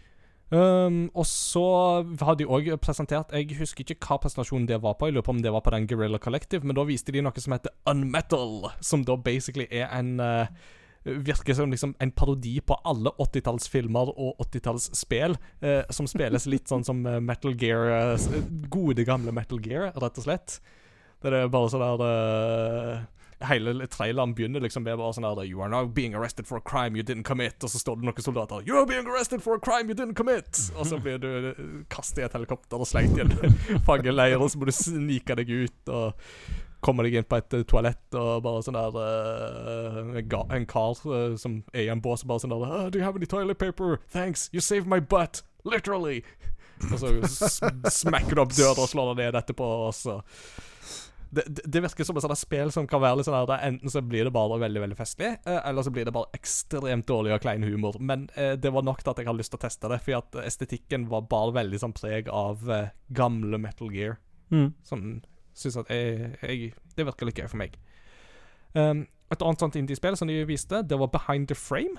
Uh, som basically bare ser ut til å handle om ei uh, som uh, handler tydeligvis bare om ei som maler naboen sin, som er en gammel mann som sitter og maler. Eh, og grunnen til at det virka så avslappende og fascinerende, var at det var en artstyle som lå veldig tett opp til Studio Ghibli sine filmer. Så det um, skal jeg sjekke ut. Og så, Mats Jakob, du har jo snakket om Serial Cleaner i Mm. denne podkasten tidligere. Der får jo nå en oppfølger som heter Serial Cleaners, altså med en S på slutten. Jeg håper jo det er eh, co-op. Jeg har ikke sett eh, traileren. Det vet jeg ikke, uh, men jeg tror at de har framskynda det et ti tiår, eller noe sånt. Um, Mm. for For det er på at settinga er satt- 70-tallet, originalen. Ja, og nå tror jeg settinga er satt til 80-tallet. Ja. Så mm. Nei, Så det, det blir gøy. Sjekk ut eh, det. Mm. Og så var det jo da Ubisoft. Um, der var det jo én ting som lekka før de hadde sin presentasjon, og det var jo oppfølger til Mario plus Rabbids Kingdom Battle. Mm. Uh, Mario plus Rabbids Sparks of Hope. Så denne Mm. gangen skal vi ut i verdensrommet, og da har vi med oss en Rabbid Rosalina som bare ligger og snorksover hele veien. uh, og Ja, altså, det, det, det virker som en Altså, det er mer av liksom Mario plus Rabbids-formelen, men med en litt annen vri på hvordan du spiller det og sånt. Men det virker altså, så, det, så det virker som at de har litt av det samme, men eh, noen nye ting. Og Mm. Grant Kirkhope er tilbake og lager musikken. Ah, Så Nice. yes. må, nest, må nesten kjøpe oh, det bare av det. Ja, ikke sant. Oh. Jeg har fortsatt ikke fått spilt uh, første spillet, og så det Men det skal jeg få til. det kan du få låne, så det skal vi få. Ja, da. ordner det Det er så greit å bare slenge ut sånn hint ut i lufta. Ja. Du, du har jo GamePass Du har jo GamePass i blokka, du. Jeg skjønner ikke at du- dere skriver og snakker om Microsoft GamePass. Altså, det er Eh, Velkommen etter, liksom. nei, ikke sant. Du har sånn, du har sånn World of Ingar-pass. Mm. Stemmer det. Det er veldig greit. Det, kona svarte jo, spurte jo liksom når jeg f- vi jo fikk ordna med PlayStation 5, så bare sånn Ja, altså Men skal vi begynne å bruke mye penger på spill, liksom? Og så bare Du, jeg bor med Ingar, jeg, så det tror jeg ordner seg greit. Du kan, ba, du kan Ja. bare gi en gave til mediebudsjettet til Haugehuset, og så Så er det greit. det, ja, jeg tror det var i høst så hadde ikke jeg fått kjøpt gave til deg, så da hadde jeg vel kjøpt Så da fikk du vel penger som skulle brukes På gaming. mot gaming. Så ja da. And I did. Mm. Eh, Jeg husker ikke hva jeg brukte det på, men det ble brukt på spill. det, men så- det, ble, det ble en meget god gave. Ja, ja, ja, absolutt. Jeg er veldig takknemlig.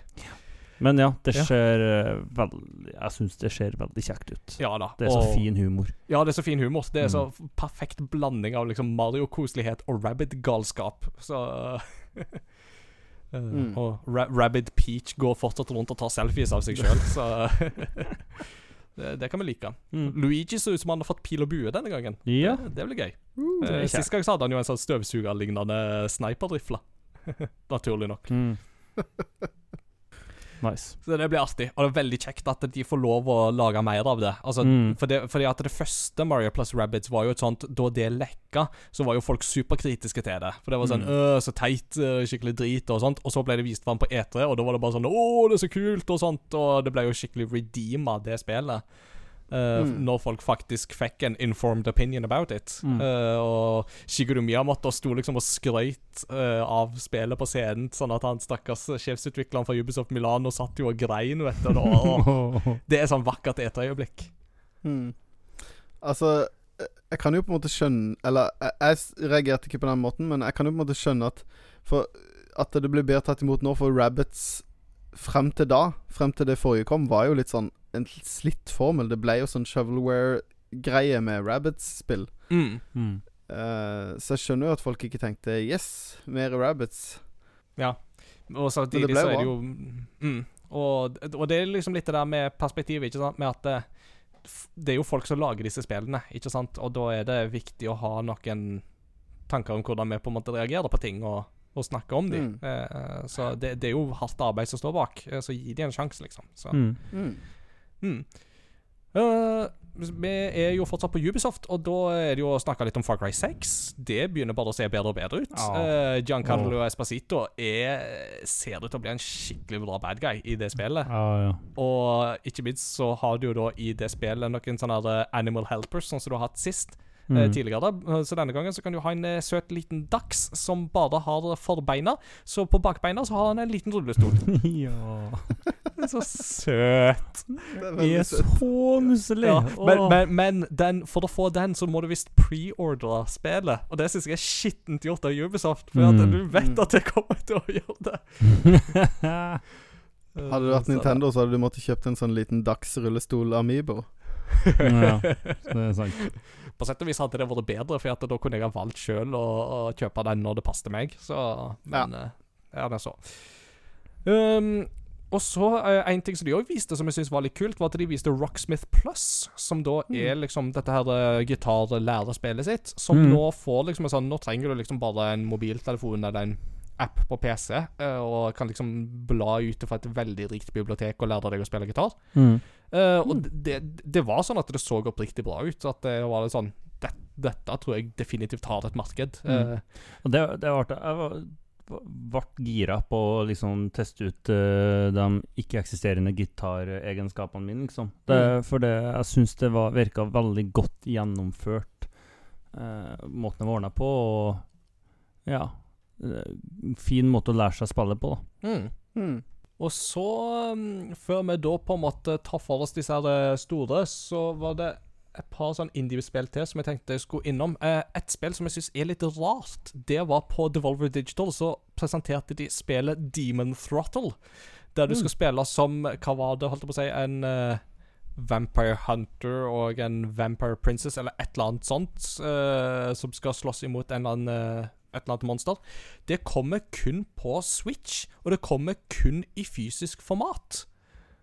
Fra ett selskap. De, de sier Never Digital, sier de om det.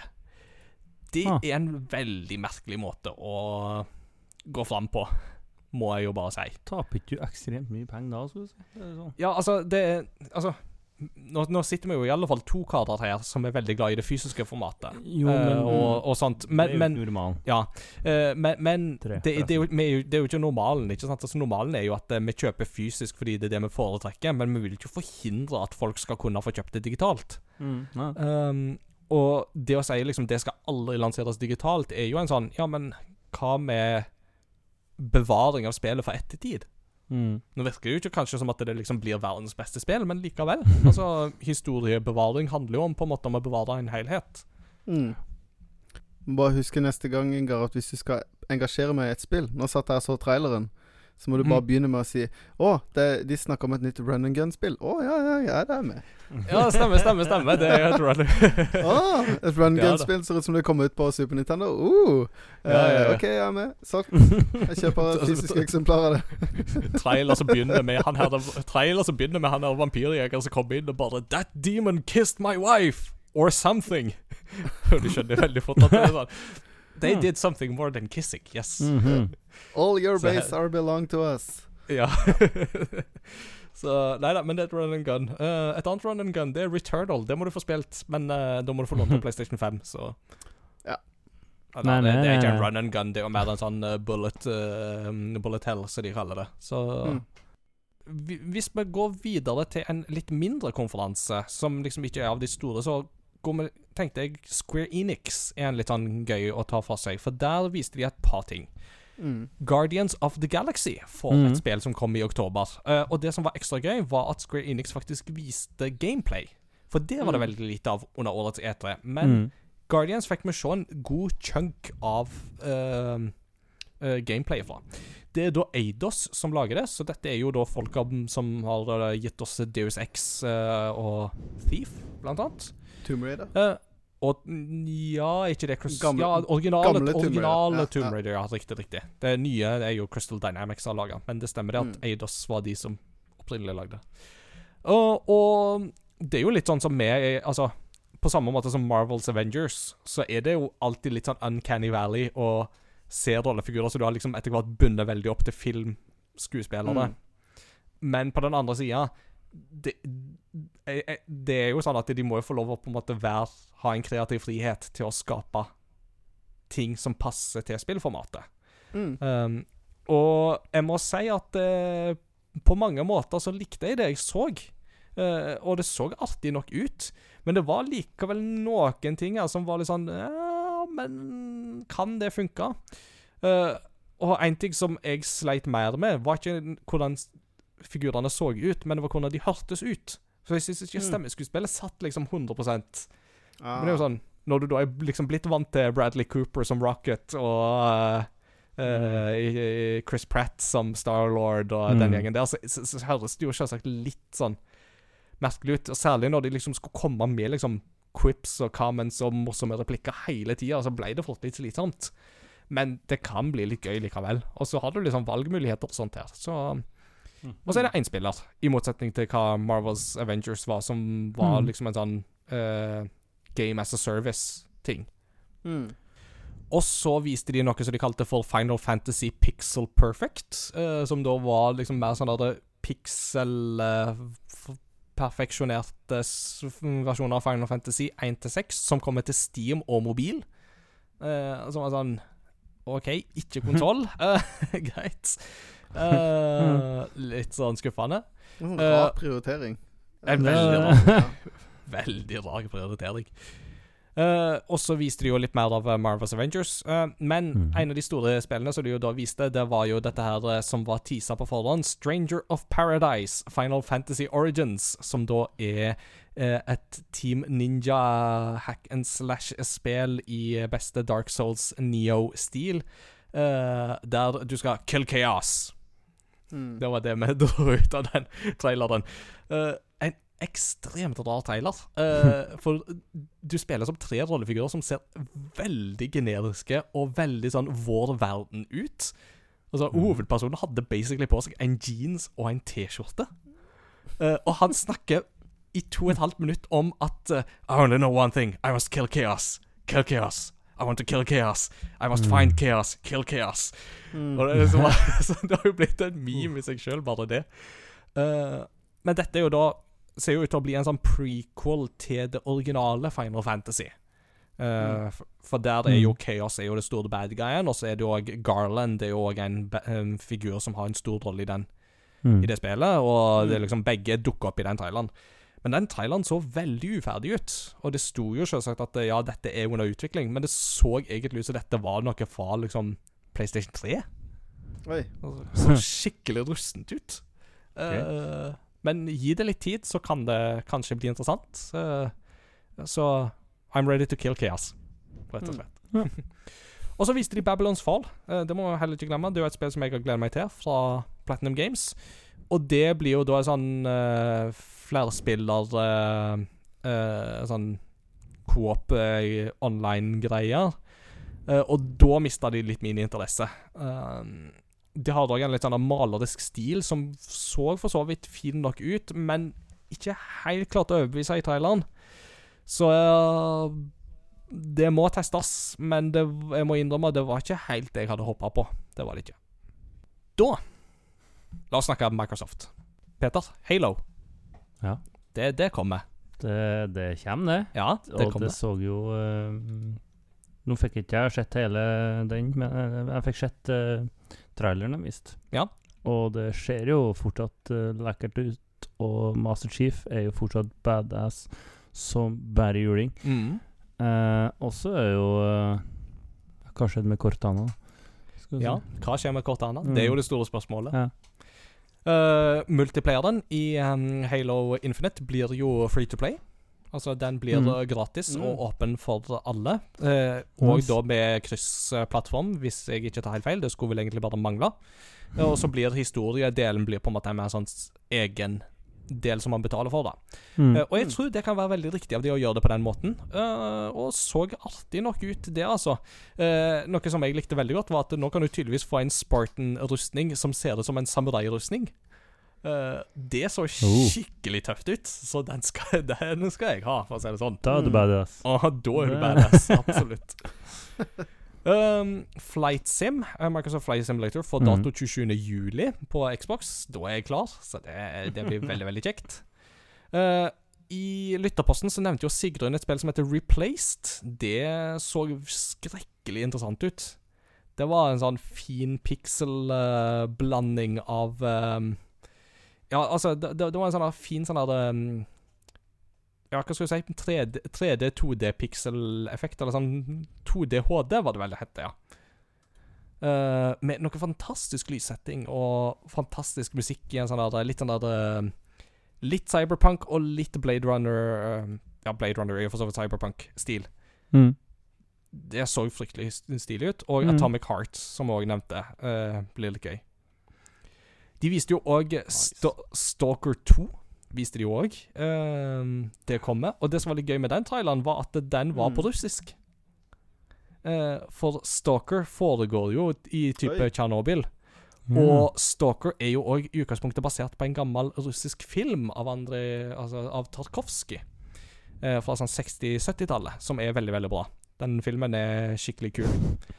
Eh, ja, jeg har faktisk sett den. Se. Og det bare plukka du opp fra hodet ditt, ja. Ok. ja da. Uh, men det, det er Staker Det er en klassiker der de skal reise Mm. inn i Zone, eller The Zone, som er Mm. liksom et sånn område som er sånne paranormale hendelser og sånt. Så looks pretty good, if you ask me. Mm.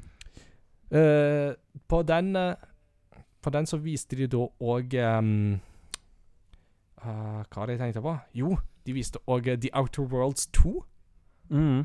Som da mm. ikke fikk så mye mer enn en uh, liten eh, teaser-trailer. Men det var kanskje den morsomste traileren på hele E3, fordi de gjorde så mye narr av alle andre trailere. Det var sånn at Her aner du fred og ingen fare. Nå må den freden bli brutt av noe. Pum, og så kommer det et stort monster og tramper. Her ser du et monster. Det vil du aldri se igjen noensinne, for det er kun for denne traileren. og det handla basically bare om at eh, vi jobber med The Outer Worlds 2, eh, så gled dere. Og det var kollektiv jubel eh, i chatten vår da det ble annonsert. Eh, Mm. Det må jo nevnes at eh, de åpna jo Microsoft med Starfield, eh, dette nye fra Bethesda. Kommer kun til Xbox og GamePass. Og um, det får da um, dato 11.11.2022. Som eh, da er en symbolsk dato, for uh, 11.11.2011 så kom jo um, dette um, Skyrim, som kanskje noen har hørt om. Mm. Forza Horizon har, jo nevnt, har vi jo snakka om. Det ser griselekkert ut, og tror jeg kan bli veldig bra. Og 12 Minutes var òg et sånt spill som jeg har sett litt fram til, som får en dato. Um, og det var vel nå i august en gang, så det blir uh, veldig spennende. Mm. Og da, hvis det ikke er noe mer å slenge inn fra Microsoft sin side Jo, um, GamePass-messig. De satser jo tungt på GamePass i uh, Mm. Microsoft-leiren, og det er jo ikke så rart. Eh, 27 av 30 spill som ble vist på den konferansen, eh, kommer på GamePass, og de kommer på day one. Så det er litt av en pakke, Mm. for å si det sånn. Ja, det er Det er ganske sprøtt. Mm. Mm, det er ganske sprøtt. Jo, og så avslutta de den eh, konferansen med en siste ting, og det var noe som de kalte for Redfall, som da er et sånn vampyrskytespill eh, ifra eh, Arcane. Eh, de samme som jo lager Deathloop nå, og som lagde Prey i sin tid. Dette er Mm. nærmere bestemt de som lagde Prey. Uh, og det virka for så vidt ganske gøy, altså. Uh, og så måtte jeg bare flire, for at i den uh, videoen så brukte de den her sangen Ooh, child, things are gonna get brighter. Eh, og da tenker jeg jo bare Guardians of the Galaxy med en gang. Mm. yes. Det var fun. Det kan bli gøy. Eh, selv om det bare var en sånn filmtrailer, da. Mm. Da, Mats Jakob, må vi snakke litt Nintendo. Yay! Yay! Your body is ready. Hvor skal Oh, vi begynne? Eh, kan jeg begynne et litt uh, rart sted? Ja, Nå- det syns jeg du kan. Jeg, jeg ble plutselig usikker på om jeg blanda, men det ble jo eh, et sånn uh, Det var et japansk rollespill som ble annonsert. Eh, var det det som het Ayuden Chronicles? Ja, Ayuden her, eh, Chronicles Ja, det var på Microsoft sin, var det det ble presentert. Ja. Eh, Men, og det skal da eh, for ordens skyld uttales EU-den. Jeg måtte sitte litt Ja, jeg måtte sitte med det litt sjøl, men det er da basically The Hero's Tale.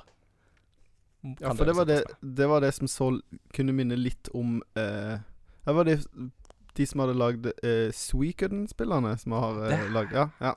Helt, helt riktig. Psykoden. Sant? Det er basically en uh, åndelig oppfølger til Psykoden. Da blanda jeg. trodde, Ble den vist på Nintendo sin også? Nei. Nei, nei da blanda jeg Nintendo og Xbox sin. Mm. Ikke vel. Eh, nei, jo, altså vi, Skal vi bare gå rett på kjøttet og potetene i den eh, samtalen jeg har snakket om Zelda, eller? Vi kan jo godt det. Det Det er jo, var jo et definitivt høydepunkt for veldig mange. Mm. Jeg syns jo det var deilig eh, Altså Å bli trolla så mye som Nintendo kan trolle, som i, nesten ikke kan telles som trolling, men når de sier sånn Og her kommer uh, slutten, og dette er DLC-en til uh, Hyrule Warriors. og så viser de det, og så sitter alle og tenker sånn Åh. Og så er det på en måte Nintendo tuller jo aldri. Og så er det sånn Mm. Å, her er litt mer Zelda. Og så kom den der Game Watchen. og så er det sånn Det er kult, men altså, vi vil jo Breath of the Wild 2, kom an. Så bare Og, og vi har litt til. Her er Breath of the Wild 2. Yay! uh, og de nevnte jo aldri tittelen noen gang i hele traileren. Nei. Uh, og det var visst veldig med vilje, har jeg f Mhm. lest i ettertid. For det at det vil avsløre veldig mye. Sånn at de har liksom De venter med tittelen, og det ah, Jeg syns det er deilig. De holder eh, Mm. litt tilbake. Mm. Eh, for Breath of the Wild ga jo på en måte mye vibber til hvor vi skulle hen, da. At det var liksom stort og åpent og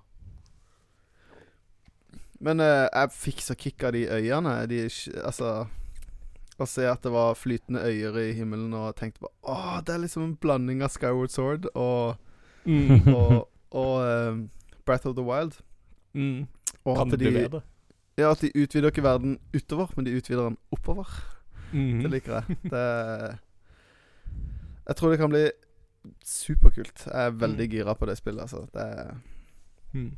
En ting som jeg uh, bemerka meg med den traileren, er at det ser ut som at Link får et eller annet på den høyre armen sin. Som Mm. blir på en måte en slags sånn kraft som han kan bruke. At det virker som at det er noe sånn Da kan han type reversere prosjektiler, for eksempel, som kommer mot han, og sånne ting.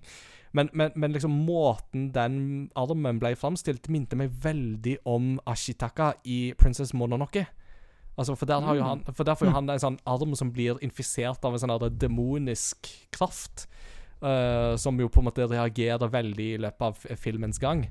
Mm. Eh, og det ga meg veldig sånne vibes, og det passer på en måte litt sånn inn, for jeg har jo fått veldig Ghibli-vibes av det første Breath of the Wild òg, på mange måter. Eh, at det liksom virker som at det, det er veldig tydelig at det er liksom en sam tilsvarende japansk designfilosofi som ligger bak både Ghibli og Breath of the Wild. Mm. Mm. Um, så det syns jeg blir videreført her, og det jeg må si jeg likte det jeg så, definitivt. Og 2022 er jo ikke en veldig overraskende eh, tidspunkt, men eh, det blir absolutt noe å glede seg til.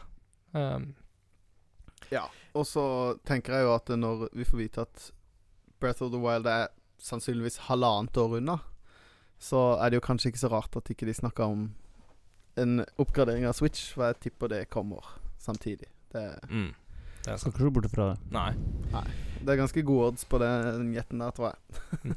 ikke sant.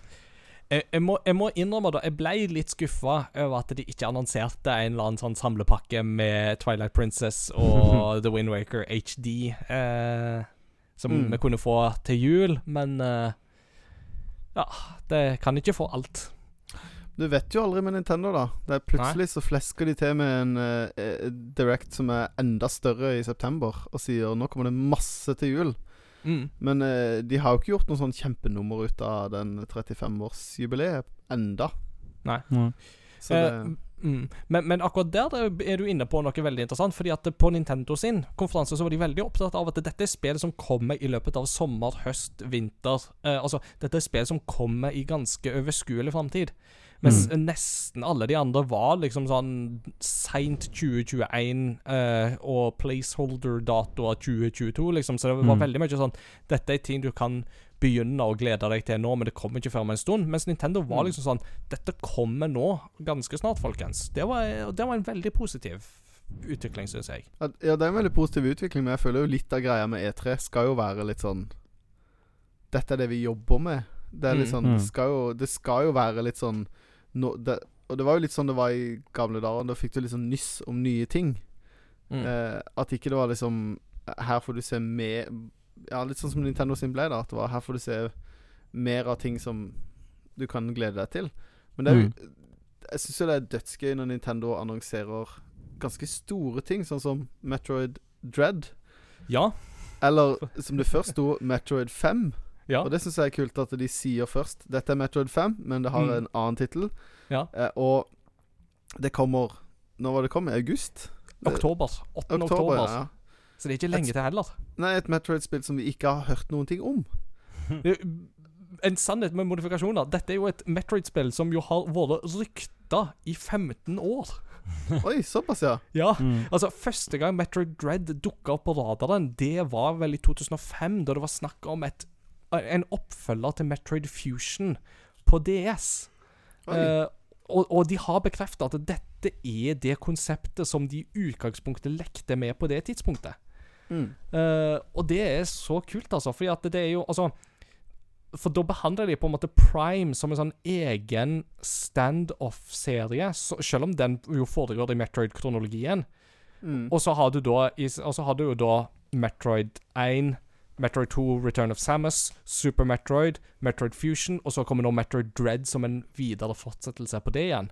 Uh, Mm. Og Metroid Fusion, for de som jo ikke har spilt det, så er det et spill som begynner med at Samus blir infisert av en parasitt som heter X. Uh, og den, det er jo veldig god grunn til å tro at den parasitten vil prege henne fortsatt i Metroid Dread. Eh, Så det virker veldig, veldig spennende. Det er da Mercury Steam som eh, skal lage det spillet. Det var jo de som lagde den eh, 3DS-remaken av Metroid 2. eh, og den var Mm. veldig god, så Mm. jeg tror at det er i veldig rette hender. Og det å få et Metroid-spill i smooth 60 frames, som er sånn 2D-utforsknings, det tror jeg blir veldig, veldig bra, altså. Det er et absolutt, en absolutt overraskende høydepunkt fra den presentasjonen. Mm. Og det er sånn Jeg gira fordi det er Metroid, og så er jeg gira fordi jeg vet at det er mange som er veldig fans. Og så med en gang jeg så at det var litt sånn stealth-elementer, så bare ah, ble jeg datt av med en gang. For jeg har jo ikke tålmodighet. Jeg har jo bare lyst til å løpe hele tida. Så Det, kan godt hende at jeg. Ja, ikke sant? Ja, men det kan godt hende at jeg hadde At jeg hadde likt det hvis når jeg, Eller at jeg kommer til å like det når det, spiller, når det kommer, men da blir jeg med en gang sånn Åh, jeg blir så utålmodig av stealth. Jeg, jeg, jeg, Samme måte som at jeg holdt på å klikke av mørkeredd, for det må liksom være nøyaktig og ta, være tålmodig, og det er liksom ikke Jeg klarer ikke det. jeg, jeg, jeg, tror ikke det blir så mye stealth her, Mats Jakob. For vi ser jo ganske fort i denne traileren at uh, Samus blir eh, forfulgt av noen sånne roboter på denne planeten, og at ingen av Ja. våpnene hennes biter på disse robotene. Så jeg tror ikke det handler så mye om stealth, men mer om at det løper for å berge livet. Ja, det òg, men at det, ikke, handler ikke bare om å løpe vekk, men det var, de snakka jo om at eh, du kunne på en måte eh, stå stille, eller du fikk en eller annen sånn ability som gjorde at du kunne på en måte stoppe, og så kjente de deg ikke igjen. Mm. Eller de så deg ikke, på en måte. Mm. Eh, og, og da Og da litt sånn jeg opplevde det som stealth, da. Men jeg ser jo for meg at det er jo ikke sånn her eh, Plutselig så kommer det bare en løpende. Det er, vil jo være en sånn Det må jo være en sånn mulighet for å liste seg forbi og Mm. Nei, det, det er jo sånn Sånne ting eh, Til og med Windwaker det første det der eh, pirat... Ja, Forsaken Fortress. Åh, jeg daua så mange ganger der, fordi jeg bare har ikke tålmodighet til å vente, og så blir jeg mer sint hver gang en gang til, og så! Hater det. Jeg, jeg satt liksom 20 minutter i Days Gone og venta på at Horden skal komme, for det var så god plassering. Det ja, herlig, ja. Det gjorde vondt. Det gjorde vondt. det, Det, det er det. Er det ikke godt med forskjellige? Mm. Fantastisk. Mm. Uansett. Det er eneste måten du kan sette på sosiale medier på PlayStation 5. Vet du. Mm. Det, Ja. det, det er sånn de gjør det. U u uansett, veldig gøy at vi får uh, Metroid Dread. Um, Metroid Prime 4 fikk vi ikke se så mye mer av denne gangen heller. Uh, samme med Bayonetta 3, men begge deler vet vi er under utvikling. Mm. Uh, og sånn som Metroid Prime 4 måtte de jo begynne med igjen fra scratch, så det er ikke så overraskende at vi ikke fikk se noe av det. Men det er godt at vi får noe annet i mellomtida, og jeg tror at dette kan bli dette kan på en måte catere til det publikummet som er mest glad i den todimensjonale Metroid-delen av den serien. Mm. Mm. Men det var jo ikke den eneste overraskelsen Nintendo hadde å by på, som kom litt sånn ut av ingensteds hen. Uh, fordi de skal jo òg opp med Advance Wars 1 pluss 1 pluss 2 Reboot Camp.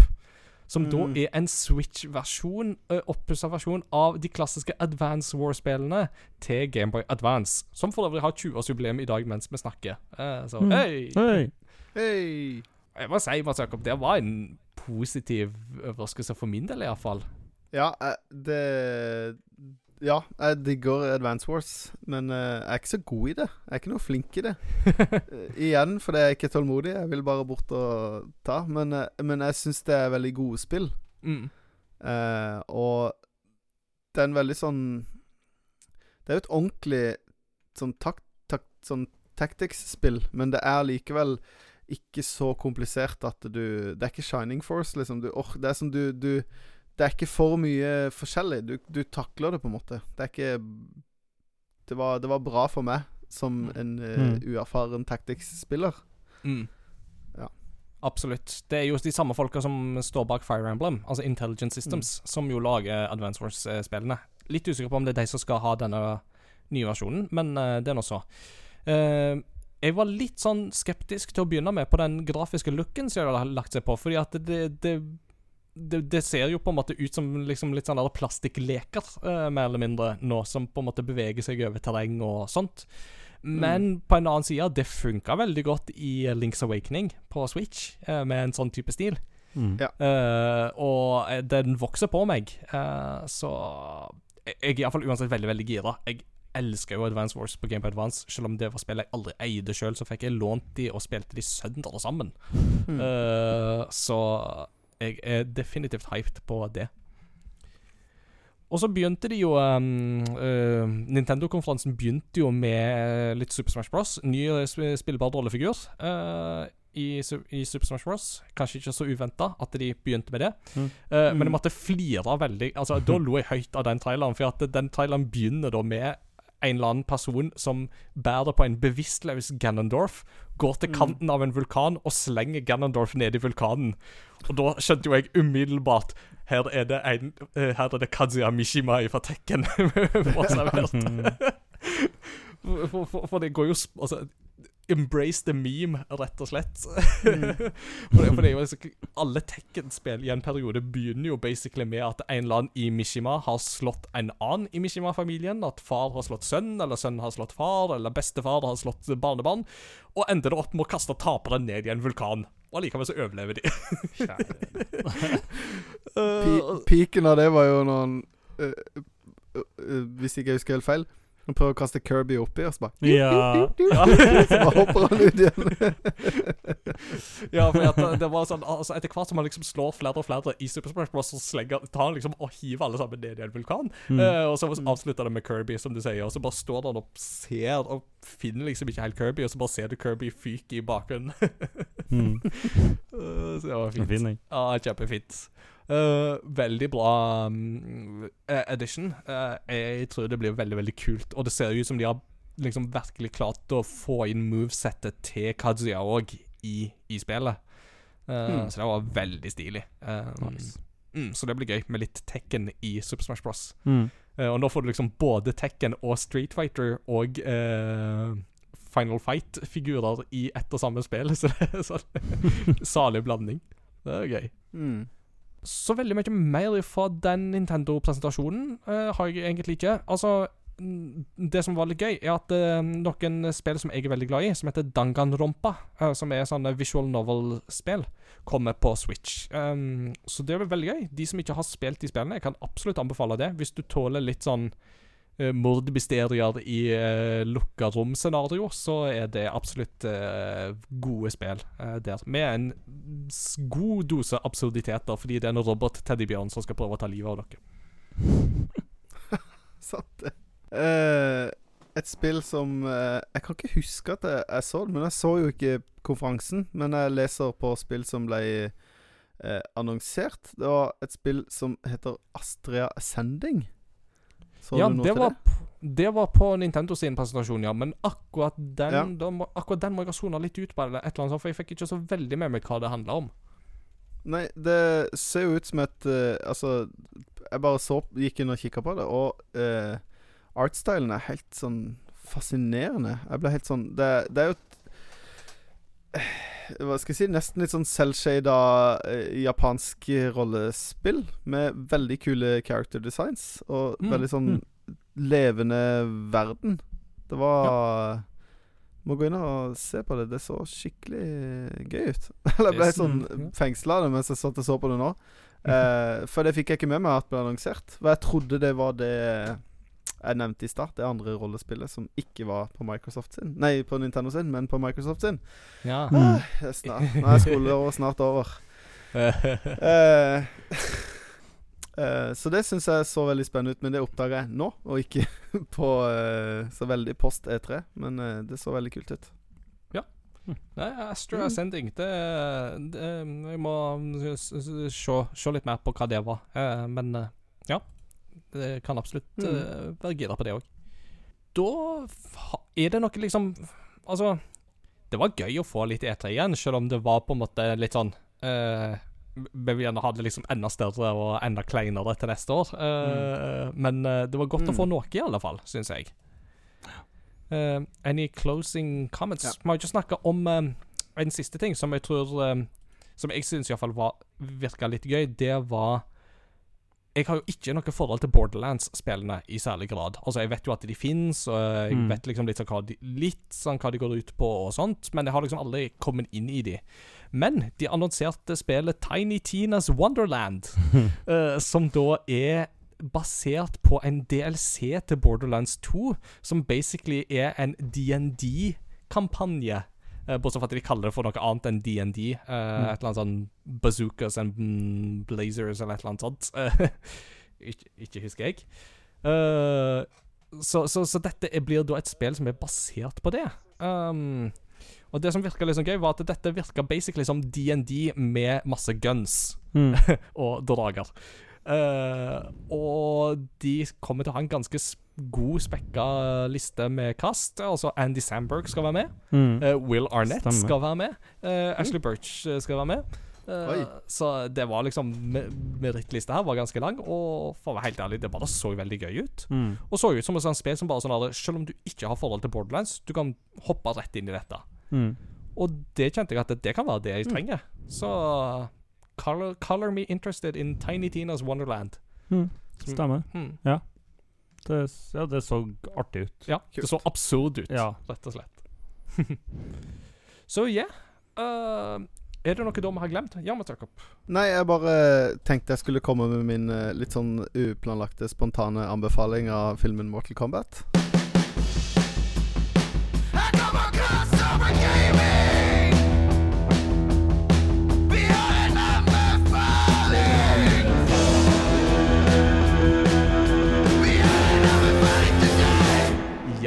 den må vi Ja. selvsagt få tid til. Da, Ja, det da, da må vi ha litt detaljer om uh, Mortal eh, Kombat, som blir uh, vinget, vinget anbefaling. Yes, winged, uh, winged recommendation. Nei, altså, for en lang historie kort. Uh, meg og eh, min gode venn Håkon Eh, vi har hatt en lang historie med å synes at det er veldig gøy å se dårlige actionfilmer Mm. sammen. Eh, spesielt eh, TV-spillbaserte. Eh, Mortal Kombat og Street Fighter er favoritter, og kremfavoritten er jo Abraham Lincoln Vampire Slayer. mm. Den er jo gøy, da.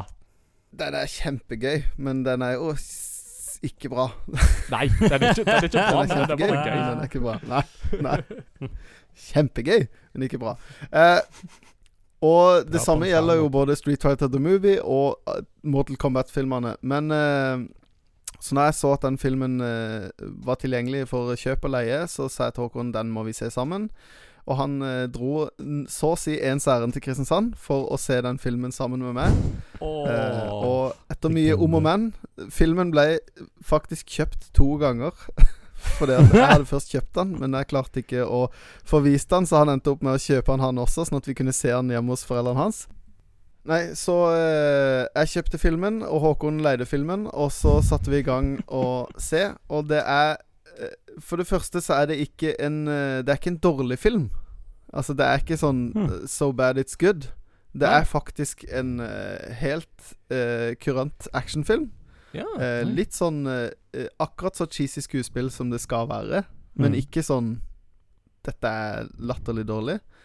Uh, og det er ikke en film som tak, Filmen takker seg sjøl sånn sykt høytidelig, uh, men uh, jeg syns castinga er veldig bra. Mm. Det er blant annet en som spiller eh, karakteren Kano, som er en sånn australsk eh, bad guy, uh, geriljasoldat. Og han har noen eh, fantastiske eh, replikker og one-linere og sånn. Eh, CGI-en er bra. Ja. Så det er, ikke, det er ikke sånn billig CGI, sånn at du kjøper CGI-en. Eh, mm, og så er det Filmen er, er på en måte handler jo om Mortal Kombat, men det er mer eh, på en måte historiedrevet enn det er slåssedrevet. Huh. Og eh, en, du kan tenke at en film som Mortal Kombat skal være veldig sånn gory og fæl, men den er Mm. på en måte bare det i når de gjør liksom fatalities. Altså når de, Mm. når de andre dør. Da er Mm. det sånn latterlig gory, sånn at du sitter bare og ler, for det, det er bare helt sånn What?! Det er Så det er jo Ja, og det øyeblikket der er kost, Det er helt perfekt plassert. Så traileren oh, ja. spoiler egentlig ikke så veldig mye, men, men, Nei. eh, men du får Nice. noen av de der gode øyeblikkene. Så det er Smooth. absolutt verdt å se, for, bare fordi det er en Mm. kurant actionfilm, men òg gøy fordi det er Mortal Kombat. Og eh, Nei, helt topp. Bra, Veldig bra koreograferte slåssescener, men de fatalitiesene gjør jo bare filmen at den blir sånn ah, Det er love letter til Mortal Kombat, altså. Men, men, men da er jo oppfølgingsspørsmålet Er det noen da som sier 'Toasty'?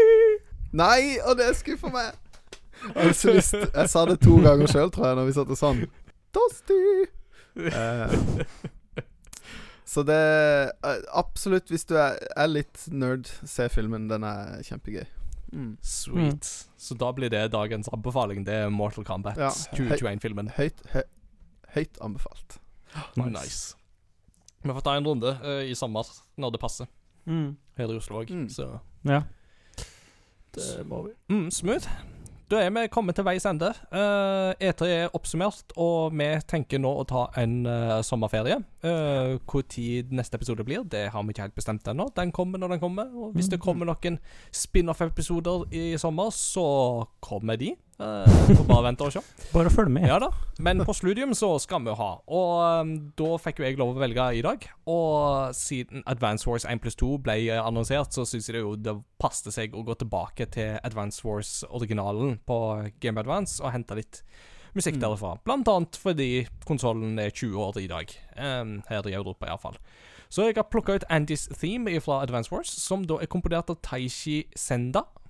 Eh, han fant det ut har ikke komponert sånn veldig mye uh, inhouse uh, for Nintendo. Han var noe med på litt sånn sounddesign på blant annet Pokémon Puzzle Challenge i sin tid. Eller Puzzle League, hva det vel hette. kan hete. Mm. Um, og vært bitte litt delaktig på litt sånn sound design i eh, Paper Mario på Nintendo 64 òg. Mm. Advance Wars er det eneste han har komponert i sin helhet som han er kreditert med. Uh, og så forlot han Intelligent Systems og, Advan og Nintendo i 2003.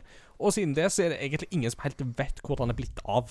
Uh, det er ikke sånn at han holdt på å si har for- forsvunnet fra liksom jordas overflate, men det er liksom bare sånn rent profesjonelt sett så er det ingen som e- egentlig helt vet hva han har jobba med i etterkant. Mm. Så Taishi Senda har da en veldig særegen, unik lyd i Advance Wars, fordi at det er det spillet han har fått lov å komponere musikk til. Men den Mm. musikken er til gjengjeld veldig, veldig kul og veldig øh, bra. Uh, og det blir veldig spennende å høre den i en ny versjon på Switch når den tid kommer. Så det blir gøy. Mm. Final closing arguments, eller uh, words, uh, Petter? Noe du, annet du vil si til lytterne en god sommer? Jeg håper at folk kan eh, kose seg og nyte og endelig få litt fritid, da. Ja. Kan gå ut og Mm. det, Gå ut når det er fint, og spille med god samvittighet når det er stygt vær. Og fint vær. Og fint vær, ja. Ja. Det er altså Helt sant. Vi kan Er det sol ut, så kan du gå inn og spille, regn, spille spille med regnvær, da, vet du. Så.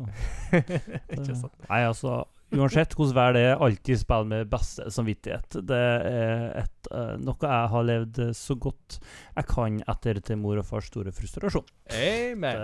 mm. ja. Så det, det syns jeg er viktig. Vi, vi, vise ord. mm, og så er det våre på discorden. Ja. Eh, Ja da, vi tar ikke fri fra discorden. Der Nei. eh, kommer vi til å henge Så- og pusle med vårt og etter det, så det blir det. Være frimodig, så skal vi jo prøve å være frimodig på å spørre om folk har lyst til å bli med og spille spill og sånt. Ja. Det er, Mm. Siden det er litt sånn opphold, får vi en reprise av Ingars uh, spillquiz i sommer. Øh, vi får se. Å, så gira. Yeah, da Han jo. kjempestill! For å si det sånn, Nei. ånd- Det Ånden er villig, men kjøttet er skrøpelig. Det er Mm. mest det det går Ja. på. Det er, jeg har, jeg har jobba veldig mye nå de siste par månedene, så jeg er ganske kake. Mm. Uh, så det er egentlig Mm. mest det det går på. Men uh, jeg skal absolutt se om jeg ikke kan klare å koke sammen et og annet eh, underveis. Det skal jeg nok alltids klare. Og det har jo vært uh, stor aktivitet i Quiz-kanalen, om ikke annet. Folk kommer jo med Mhm. lytteoppgaver og fantastiske mm. rebusoppgaver som vil ligge paddeflate og ler av fordi at de er så gode. Så Det er mye gull. Jeg er så fornøyd at jeg tok en uten å høre om spillet engang. Det, det var jo sånn Ja, du tok, du tok Silent Hill. ja, det var sånn Det høres ut som et spill eller et eller annet sånn. Det, det, det kan jo være. Det har ikke peiling. Å, Og elsker den, Så- elsker den med Mist. Ja. Er ja. og myse i preteritum. Nei, perfektum. Ja. Myst. Myst. Mm. Men det, jeg likte det var best forslaget, forslaget til Silent Hill, der det var noen som lurte på om det kunne være fjellhaug. Ja, den var Det var sånn mm. Den er god. Uh, det var god, da. Vi skal ha Fjellhaug the game. Mm. Og så har jo jeg da tydeligvis blitt et meme i det, denne Ja. Discord-kanalen, for nå begynner jo jeg å mime memes inn i det ene memet etter det andre. Uh, Ja, ja. og, og bare sånn det er sagt, det syns jeg bare er helt fantastisk. Jeg Mm. det er så festlig. Jeg, jeg ler godt av det sjøl. Det at jeg er meme-verdig, det er jo bare et kompliment. ja absolutt. absolutt. Ja. Ah. Så- Uh, glemte å snakke om uh, Two Point Campus uh, i dag. Uh, dette her uh, oppfølgeren til Two Point Hospital som kommer der du skal drive campus. Og som jeg har sagt at det må jeg jo spille siden jeg er administrasjonskonsulent på høgskolenivå. Stemmer. Så ja, Ja, ja. Sånn, for- sånn kan det gikk. mm, sånn kan det gikk. Takk for i dag, folkens. Håper dere har kost dere med denne episoden. Og Mm. fortsett å spille spill og nyte hverdagen. Og vi snakkes ved neste korsvei. Matane! Nei, god sommer. God sommer!